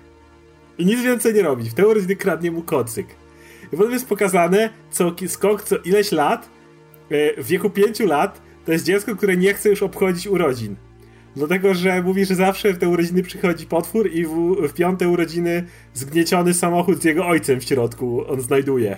Potem w wieku 16 lat e, ma dziewczynę, z którą chce się spotkać i co robi Thanos? Zabiera mu telefon i pisze chamskiego SMS-a do niej z powrotem.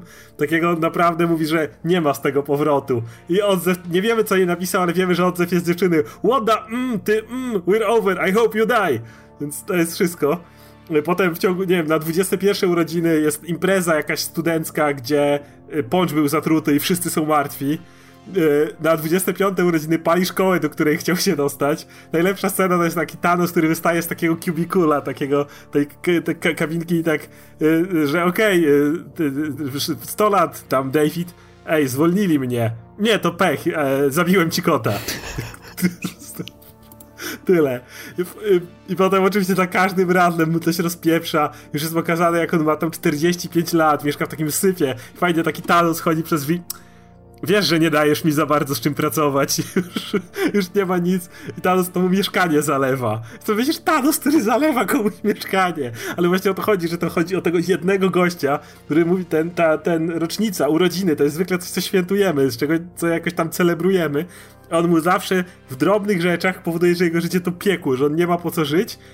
I na końcu e, najlepsze jest to, że, on, że ten gość myśli, że w tym wszystkim jest jakiś sens, a Thanos mówi, no I don't care, see you next year. Jakby to nie ma w tym sensu. To nie jest, to jest jakiś wielki test, to nie jest życie Hioba czy coś takiego. To jest po prostu zło, nic więcej. I to jest Anuelu właśnie, że on, masz pokazane jak Thanos jest zły na wszystkich możliwych poziomach. Od y, zabijania pewnej kosmicznej rasie Boga i niszczenia ich celu życia, do prześladowania jednego gościa co roku, kradnąc mu kocyk i zalewając mu mieszkanie. Jest, Mega. Mi się podobał ten moment w tej historii, jak na 30 urodziny nie przyszedł Thanos, bo był zajęty czymś. I wiesz, i ten, tak, i ten Dave się, wywalili, tak. I ten Dave, Dave, się cieszy, że tak, wreszcie się to skończyło i tak dalej. Na 31 przyszedł znowu i tak, no, musiałem opuścić jeden rok, trudno, nie? I, i to się wszystko dalej odbywa. To jest takie, o. Na, na drobie. To było fajne, bo było pokazane, że akurat w tym roku Avengers go wykopali z ziemi, nie? O, matko. No. Tak i właśnie to, jak się to się kończy, na zasadzie, że wiesz, że ten typ daje to całe przemówienie, że o, zacząłem myśleć, dlaczego to robisz i tak dalej. No, myślał, że jest Hiobem. No, a, a Thanos mówi, nie, nieważne, na razie. Zaleję ci mieszkanie, jesteś, nara. Nie jesteś, nara, nara, do zobaczenia za rok. No, mi, się, mi się zasadniczo wszystko podobało, to jeszcze dodam o tym, co Oskar wspominał o tej historii y, z Thanosem, który ma tych gości, którzy tam czczą jakiegoś boga i zawsze powracają tam y, i żyją, a on im tego boga zabił. I co teraz zrobicie? Czy poświęcicie się? Bo chyba już z tego nie wrócicie, nie? To było takie, ja pierdzielę. Nie, przede wszystkim oni mieli ideę, że muszą być dobrzy, tak, bo tak, wtedy tak. się odradzają, a jak są źli, to długo, długo się nie odradzają, bo jest Bóg, który ich ciągle odradza. Mm. Okej, okay, to zabiję wam Boga i teraz zobaczymy, czy dalej będziecie dobrzy. Taki mój mhm. eksperyment. Też piękne. Też mega niszczące. No, także, także pole polecam gorąco. Nawet jeśli nie czytaliście tej głównej serii, to, ale, to, to warto. Ale czytajcie główną serię, bo jest. Ale, ale oczywiście, jest warto. Natomiast warto po prostu wziąć to. Jeśli chcecie się poczuć źle i ogólnie chcecie, żeby wam to zniszczyło cały dzień i wieczór i ogólnie położyć się do łóżka w totalnie spieprzonym humorze, to jest świetny komiks do tego, ale myślę, że jest bardzo w charakterze nawet, postaci. Nawet jak zobaczycie urocze pluszaki, nie dajcie się zwieść. Nie dajcie się zwieść. To jest, ta historia nie jest może smutna sama w sobie, ale jest tak bardzo fucked up, jak to jest tylko możliwe. No. To jest takie trochę Happy Tree Friends. Tylko. No, no. Tak, i no udało się w tej też, też w, tym, w tej antologii zebrać paru fajnych scenarzystów i, i, i świetnych artystów. E, z Donym Catesem oczywiście, Kieronem Willenem, Ryanem Northem, Alem Wingiem i tę ostatnią historię właśnie o tym Bogu ilustruje Fraser Irving i też jest, też jest cudowny. Także no, to, to, to było mocne i, i nie spodziewałem się, że mówiąc. No i oczywiście mam to zakończenie, już, już, już wspomnieliście wcześniej, że okazuje się na koniec, że Ghost, ten Cosmic Ghost Rider prowadził tę historię, czy opowiadał tę historię Odynowi i Odyn zdmuchuje z niego, przynajmniej na moment, ten, ten płomień e, i wchodzą razem do Valhalla, czy raczej Odyn go zaprasza do Valhalla i mamy informację, że kontynuacja Cosmic Ghost Rider zeszyt pierwszy i czekam bardzo oczywiście, bo, bo to się zapowiada naprawdę dobrze.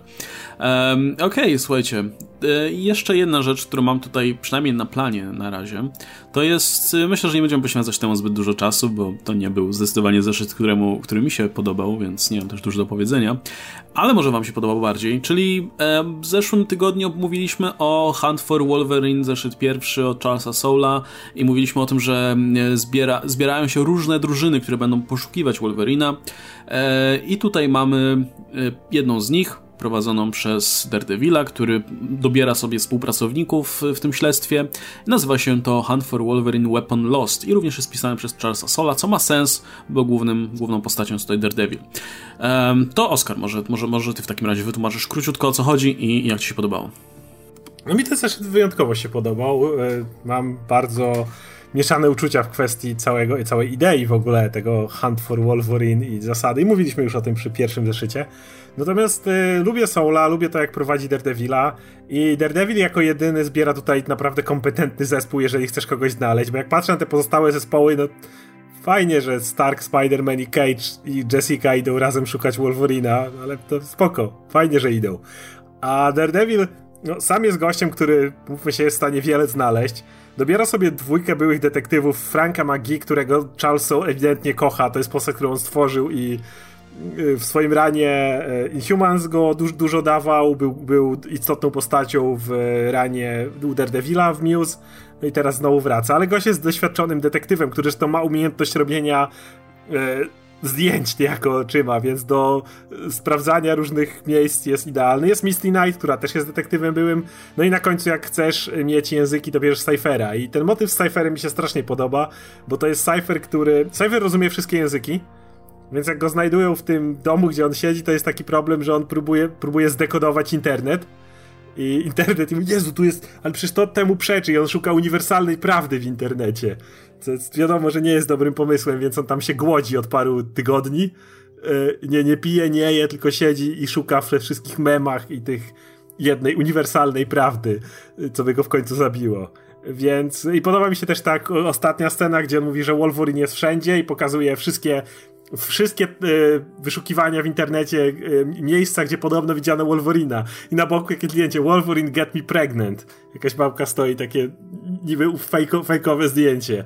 Więc e, ja, ja lubię to, jak Soul to pisze. Wrzucenie Cyphera, który jest nieoczywisty, ale jednocześnie ma sens. I to jest drużyna jako jedyna z tych wszystkich, jak patrzę na składy, która ma sens. Więc e, no mi się to podobało. Nie, nie jakoś strasznie, nie, nie, to nie jest najlepszy rzecz, jaki w życiu czytałem, ale jak ktoś lubi Soula i jego, jego Daredevila, to wydaje mi się, że to jest fajna odskocznia. By, było, nudziło mnie strasznie ten numer. Przez, o, właśnie, no, właśnie. był strasznie nużący. Znaczy, ja wiem, że, że fajnie, że Soul to pisze i fajnie, że detektywistyczny, ale to był taki niepotrzebny przerywnik między, między tą fabułą, która i tak jest rozwlekła, tego całego poszukiwania Wolverina, co powinno trwać już ma dwa numery, a oni to rozbili chyba na 10 zespołów i będą go szukać 6 lat. To było nudne i to się wlekło, wlekło, wlekło i jest nagle ten moment z Cypherem, który był złotem. Te kilka stron, gdzie masz tego Cyphera zbunkrowanego w tym swoim domu, który próbuje odkryć prawdę o internecie tą uniwersalną i zrozumieć internet, co może naprawdę człowieka zamordować, było złotem. I jak mu jeszcze odłączają ten internet od sieci, go odłączają, on wyciąga jakąś spluwę kosmiczną, żeby ich zabić. Ja mówię, no tak, tak, tak, tak działają ludzie, odłączenie od internetu, więc nic dziwnego. Tak, nastolatek często, który tak, tak. internet, to było, to... wyjąłby laser, gdyby mógł. Tak, ale to było pięknie napisane i to, to jest jedna rzecz, która mnie naprawdę, którą pamiętam z tego numeru. A reszta to wiem, że Daredevil zebrał detektywa i próbują znaleźć Logana i spoko. I niech sobie znajdują, ale nie przy mnie. No to mi się nie podobał ten motyw z Cypherem. To jest coś, co ja widziałem już zbyt często na zasadzie, że o, jest, jest sobie haker, który po prostu ma brodę, jest chudy i, i świata nie widzi poza internetem i... E... Ale nie, to jest właśnie fajne dlatego, że to jest Cypher. To jest facet, który wiesz, no... Rozumie wszystkie, języki, języki widzi wszystkie no symbole, I to jest, i to jest pie piękne podsumowanie. On rozumie wszystkie języki, oprócz internetu. Tak. No nie wiem, dla, dla mnie to trochę... na wszelką cenę dekodować. Znaczy wiesz, ale to jest jako jednorazowy żart jest okej. Okay. Nie, ale wydaje się, że Sol nie będzie tego no powtarzał, nie, nie, bo nawet na końcu jak Cypher jak Cypher jest odłączony i dają mu jeszcze raz internet, to jakby to nie jest tak, że on znowu znika i znowu to jest, się tym bawi. Akurat robi ostatnia scena podsumowania też jest spoko, że gdzie znaleźć, gdzie jest Wolverine? W internecie, nie? Ale nie, ale też, że jest wszędzie, bo A, Wolverine miał kostkę tak, i się tak, teleportował, tak, tak. B, przez, wiesz, każdy mm -hmm. widział, kto widział Wolverina, każdy widział Wolverina w tym świecie, no tak, nie? Tak. Łącznie z tym, że kogoś zaciążył podobno, co może być prawdą nawet, ale...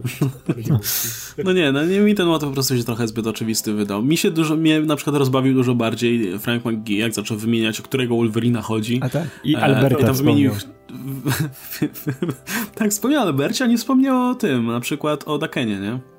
Bo to A, nie jest Wolverine. Daken jest. No, no jak nie, to też jest Wolverine. No. no jest Wolverine. No też jest Wolverine. Ale jest Albert. Jesz, jeszcze, wiesz, jeszcze jest Race, nie? o którym już nikt nie pamięta, ale, ale doceniłbym, wiesz, bardzo obsku ten obskurne dodanie Raze'a tutaj. No ale Albo... Albert był. Albert był okej. Okay. Ale i tak szacun, że się zorientował, że Jimmy Hudson jest gdzieś tutaj na ziemi, bo w sumie skąd miałby wiedzieć. E... Bo to Frank McGee jest detektywem i on wie. Nie, akurat, akurat motyw z Frankiem McGee był spoko. Mnie, mnie dużo bardziej wynudziła cała reszta, łącznie z Daredevilem, który siedział na dachu i, I Misty Night. Misty Night co ma tak zrobić. No Misty Night była Misty tak Night zawsze jest nudna. Ja, ja, ja, nie pamiętam, kiedy ktoś ją dobrze pisał, więc to jest problem. Jakby to był Ale komiks... mi się podobało zarówno Frank McGee, jak i Cypher, więc tylko środkowa część była słaba. Jakby to był komiks, gdzie po prostu Daredevil z Frankiem McGee ruszają na śledztwo i faktycznie prowadzą to śledztwo z samego początku, a nie idą do Cyphera, że mi powiedział, gdzie jest Wolverine. Myślę, że mi się podobało bardziej, ale to też nie są moje klimaty, więc okej, okay, może nie powinienem narzekać. Ja czekam bardziej na ten, na ten komiks Taylora czy, czy Mariko Tamaki, bo to są autorzy, których jednak lubię trochę bardziej. I podejrzewam, że będę się trochę bawił lepiej. Ale jak ktoś lubi te Daredevilowe klimaty, mroczne po prostu światła y, noce, nocnego miasta, no to pewnie, pewnie się nie zawiedzie. Um, dobra, to tyle jeśli chodzi o nasz główny plan. Mamy z tego co widzę jeszcze jakieś 10 minut. Czy są jakieś rzeczy, o których chcielibyście powiedzieć? Tak. O, jest drugi okay. numer Bad Pointu.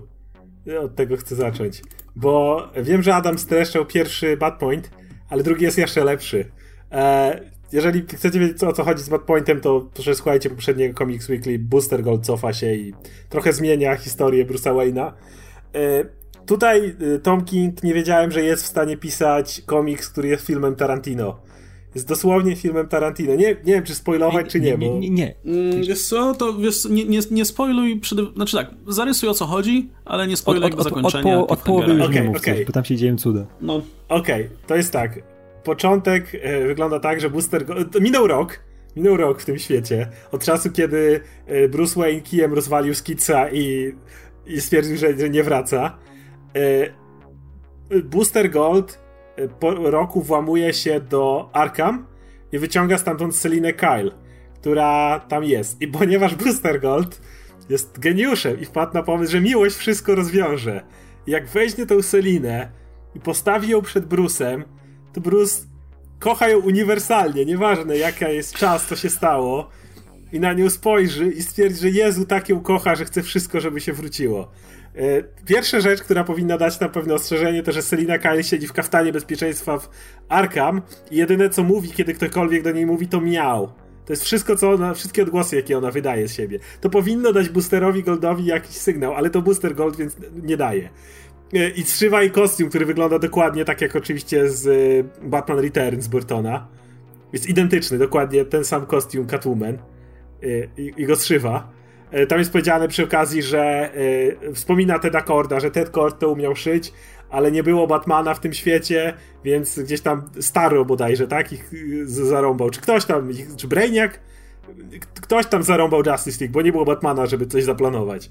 E, no, i on uważa, że w takim razie tą psychicznie chorą, zamkniętą, nie bez powodu prawdopodobnie, Selinę Kyle przyprowadzi przed Bruce'a Wayne'a i wszystko się dobrze skończy. E, dalej nie, nie spoiluję. Możecie się domyśleć. Generalnie ja powiedziałem tak, że jak e, chcecie, żeby Booster Gold naprawił wam dziurę w dachu, to on się cofnie w czasie i skończycie jako bezdomni. Dodam, to nie będzie to... duży to nie będzie spoiler, to tylko taka jedna scena, która jest właśnie w połowie numeru, gdzie mamy tego Boostera Golda, który ma tą dziewczynę psychicznie chorą, która tylko miałczy, ubrał ją w kostium, y, wiesz, poskładany, pos, poszywanych, tak, Poszywany, kawałków no tak skóry. samo jak w tym, no. I on leci z nią przez miasto i jest taki szczęśliwy, z wielkim uśmiechem, bo mówi, że jak, bo jak mu, tak, ale tak, ale mówi, że jak postawi tą piękną kobietę przed tym Batmanem i oni w świetle księżyca, to on znowu się w niej zakocha i znowu będzie Batmanem i on jest taki pewny tego, taki tak, ale on najlepsze jest to, że w głowie Boostera Golda to, to nie może być Selina Kyle, tylko jeszcze musi ją ubrać. Musi musi ubrać za Catwoman. Musi być ten, jest, tak. Musi być, musi być księżyc i muszą być na dachu w księżycu i ona musi być przebrana za Catwoman, bo inaczej to nie zadziała. Ma sens, no. I, i oczywiście jest w tle, widzisz, e, jak Jason Todd, który jak Adam opowiadał, sprzedaje opony, które rażą prądem, jak ktoś próbuje kraść, to gdzieś tam go sądzą, bo jakieś dziecko dotknęło gdzieś opon i się poraziło i zginęło. I on mówi, no, że trudno, że w walce z przestępczością. Ale w ogóle tam są cudowne te komentarze, takie jak w Powrocie Miesznego Rycerza, że tak, o, z powodu tych opon zginęło 17 osób. No ale czego się nie robi dla tego bezpieczeństwa, nie? tak, tak jest dosłownie. I Jason Todd dosłownie jest taki, nie, spoko, wszystko, wszystko da radę. No i oczywiście jeszcze w tle powiem, że w to wszystko wprowadzuje się Batman, e, czyli Dick Grayson, który w tym świecie jedyne co mówi to twoje imię, a potem daj. I on strzela do ciebie ze splów i wiesz, Booster Gold. Y, Selina Kyle, die. I to jest wszystko, co mówi y, Dick Grayson. Nie jest w stanie innych słów wymówić. I więcej, wie, wie, więcej, więcej, więcej y, hej. bo końcówka jest cudem. Tak, końcówka to jest po prostu, jak oglądaliście niektóre filmy Tarantino, może Hateful Eight, może parę innych rzeczy. Hateful Eight i e, rezerwowe psy mi najbardziej się kojarzą ta końcówka. Szczególnie Hateful Eight Ale chyba. wszystko, Kill Bill też pod to No. podchodzi mocno. No Kill Bill może też. W każdym razie ta końcówka to jest, to jest czysty film Tarantino. Zresztą tak, z tego co mówicie, to klimaty Tarantino za bardzo nie wynikają, więc tym bardziej myślę, to brzmi interesująco, że, Końcówka że, jest że, że z, tego, z tego co opisaliście wychodzą jakieś tarantinowskie klimaty, okej. Bardzo. Ja, No ja, ja ja, się też nie spodziewałem. Od tego momentu, gdzie on jak debil uśmiechnięty biegnie z Seliną przez dachy, do tego, co się dzieje na końcu, Tak. to jest całkowita zmiana tego klimatu. To jest takie... Ojej, podsta- przedstawię ją, będzie wszystko dobrze. Czytajcie, to jest, to jest złoto. To jest czyste złoto, po prostu. To jest, jest tak bardzo czarny Poster humor. to jest debil. To jest taki idiota może. Okej. Naprawia. Brzmi, brzmi No. dobrze. No ja, ja, ja dopiero przeczytałem ten zeszyt, o którym Adam mówił, więc nadrobię chętnie jeszcze ten. Drugi jest lepszy. Drugi jest lepszy. Ech, to jest tak, jak mówili, że niedobrze jest, jak jakiś bohater mówi I can fix this, ale, ale ni- to nie jest... Nic nie jest tak złe jak Booster Gold, który coś naprawia. To jest, to jest szczyt, szczyt zła.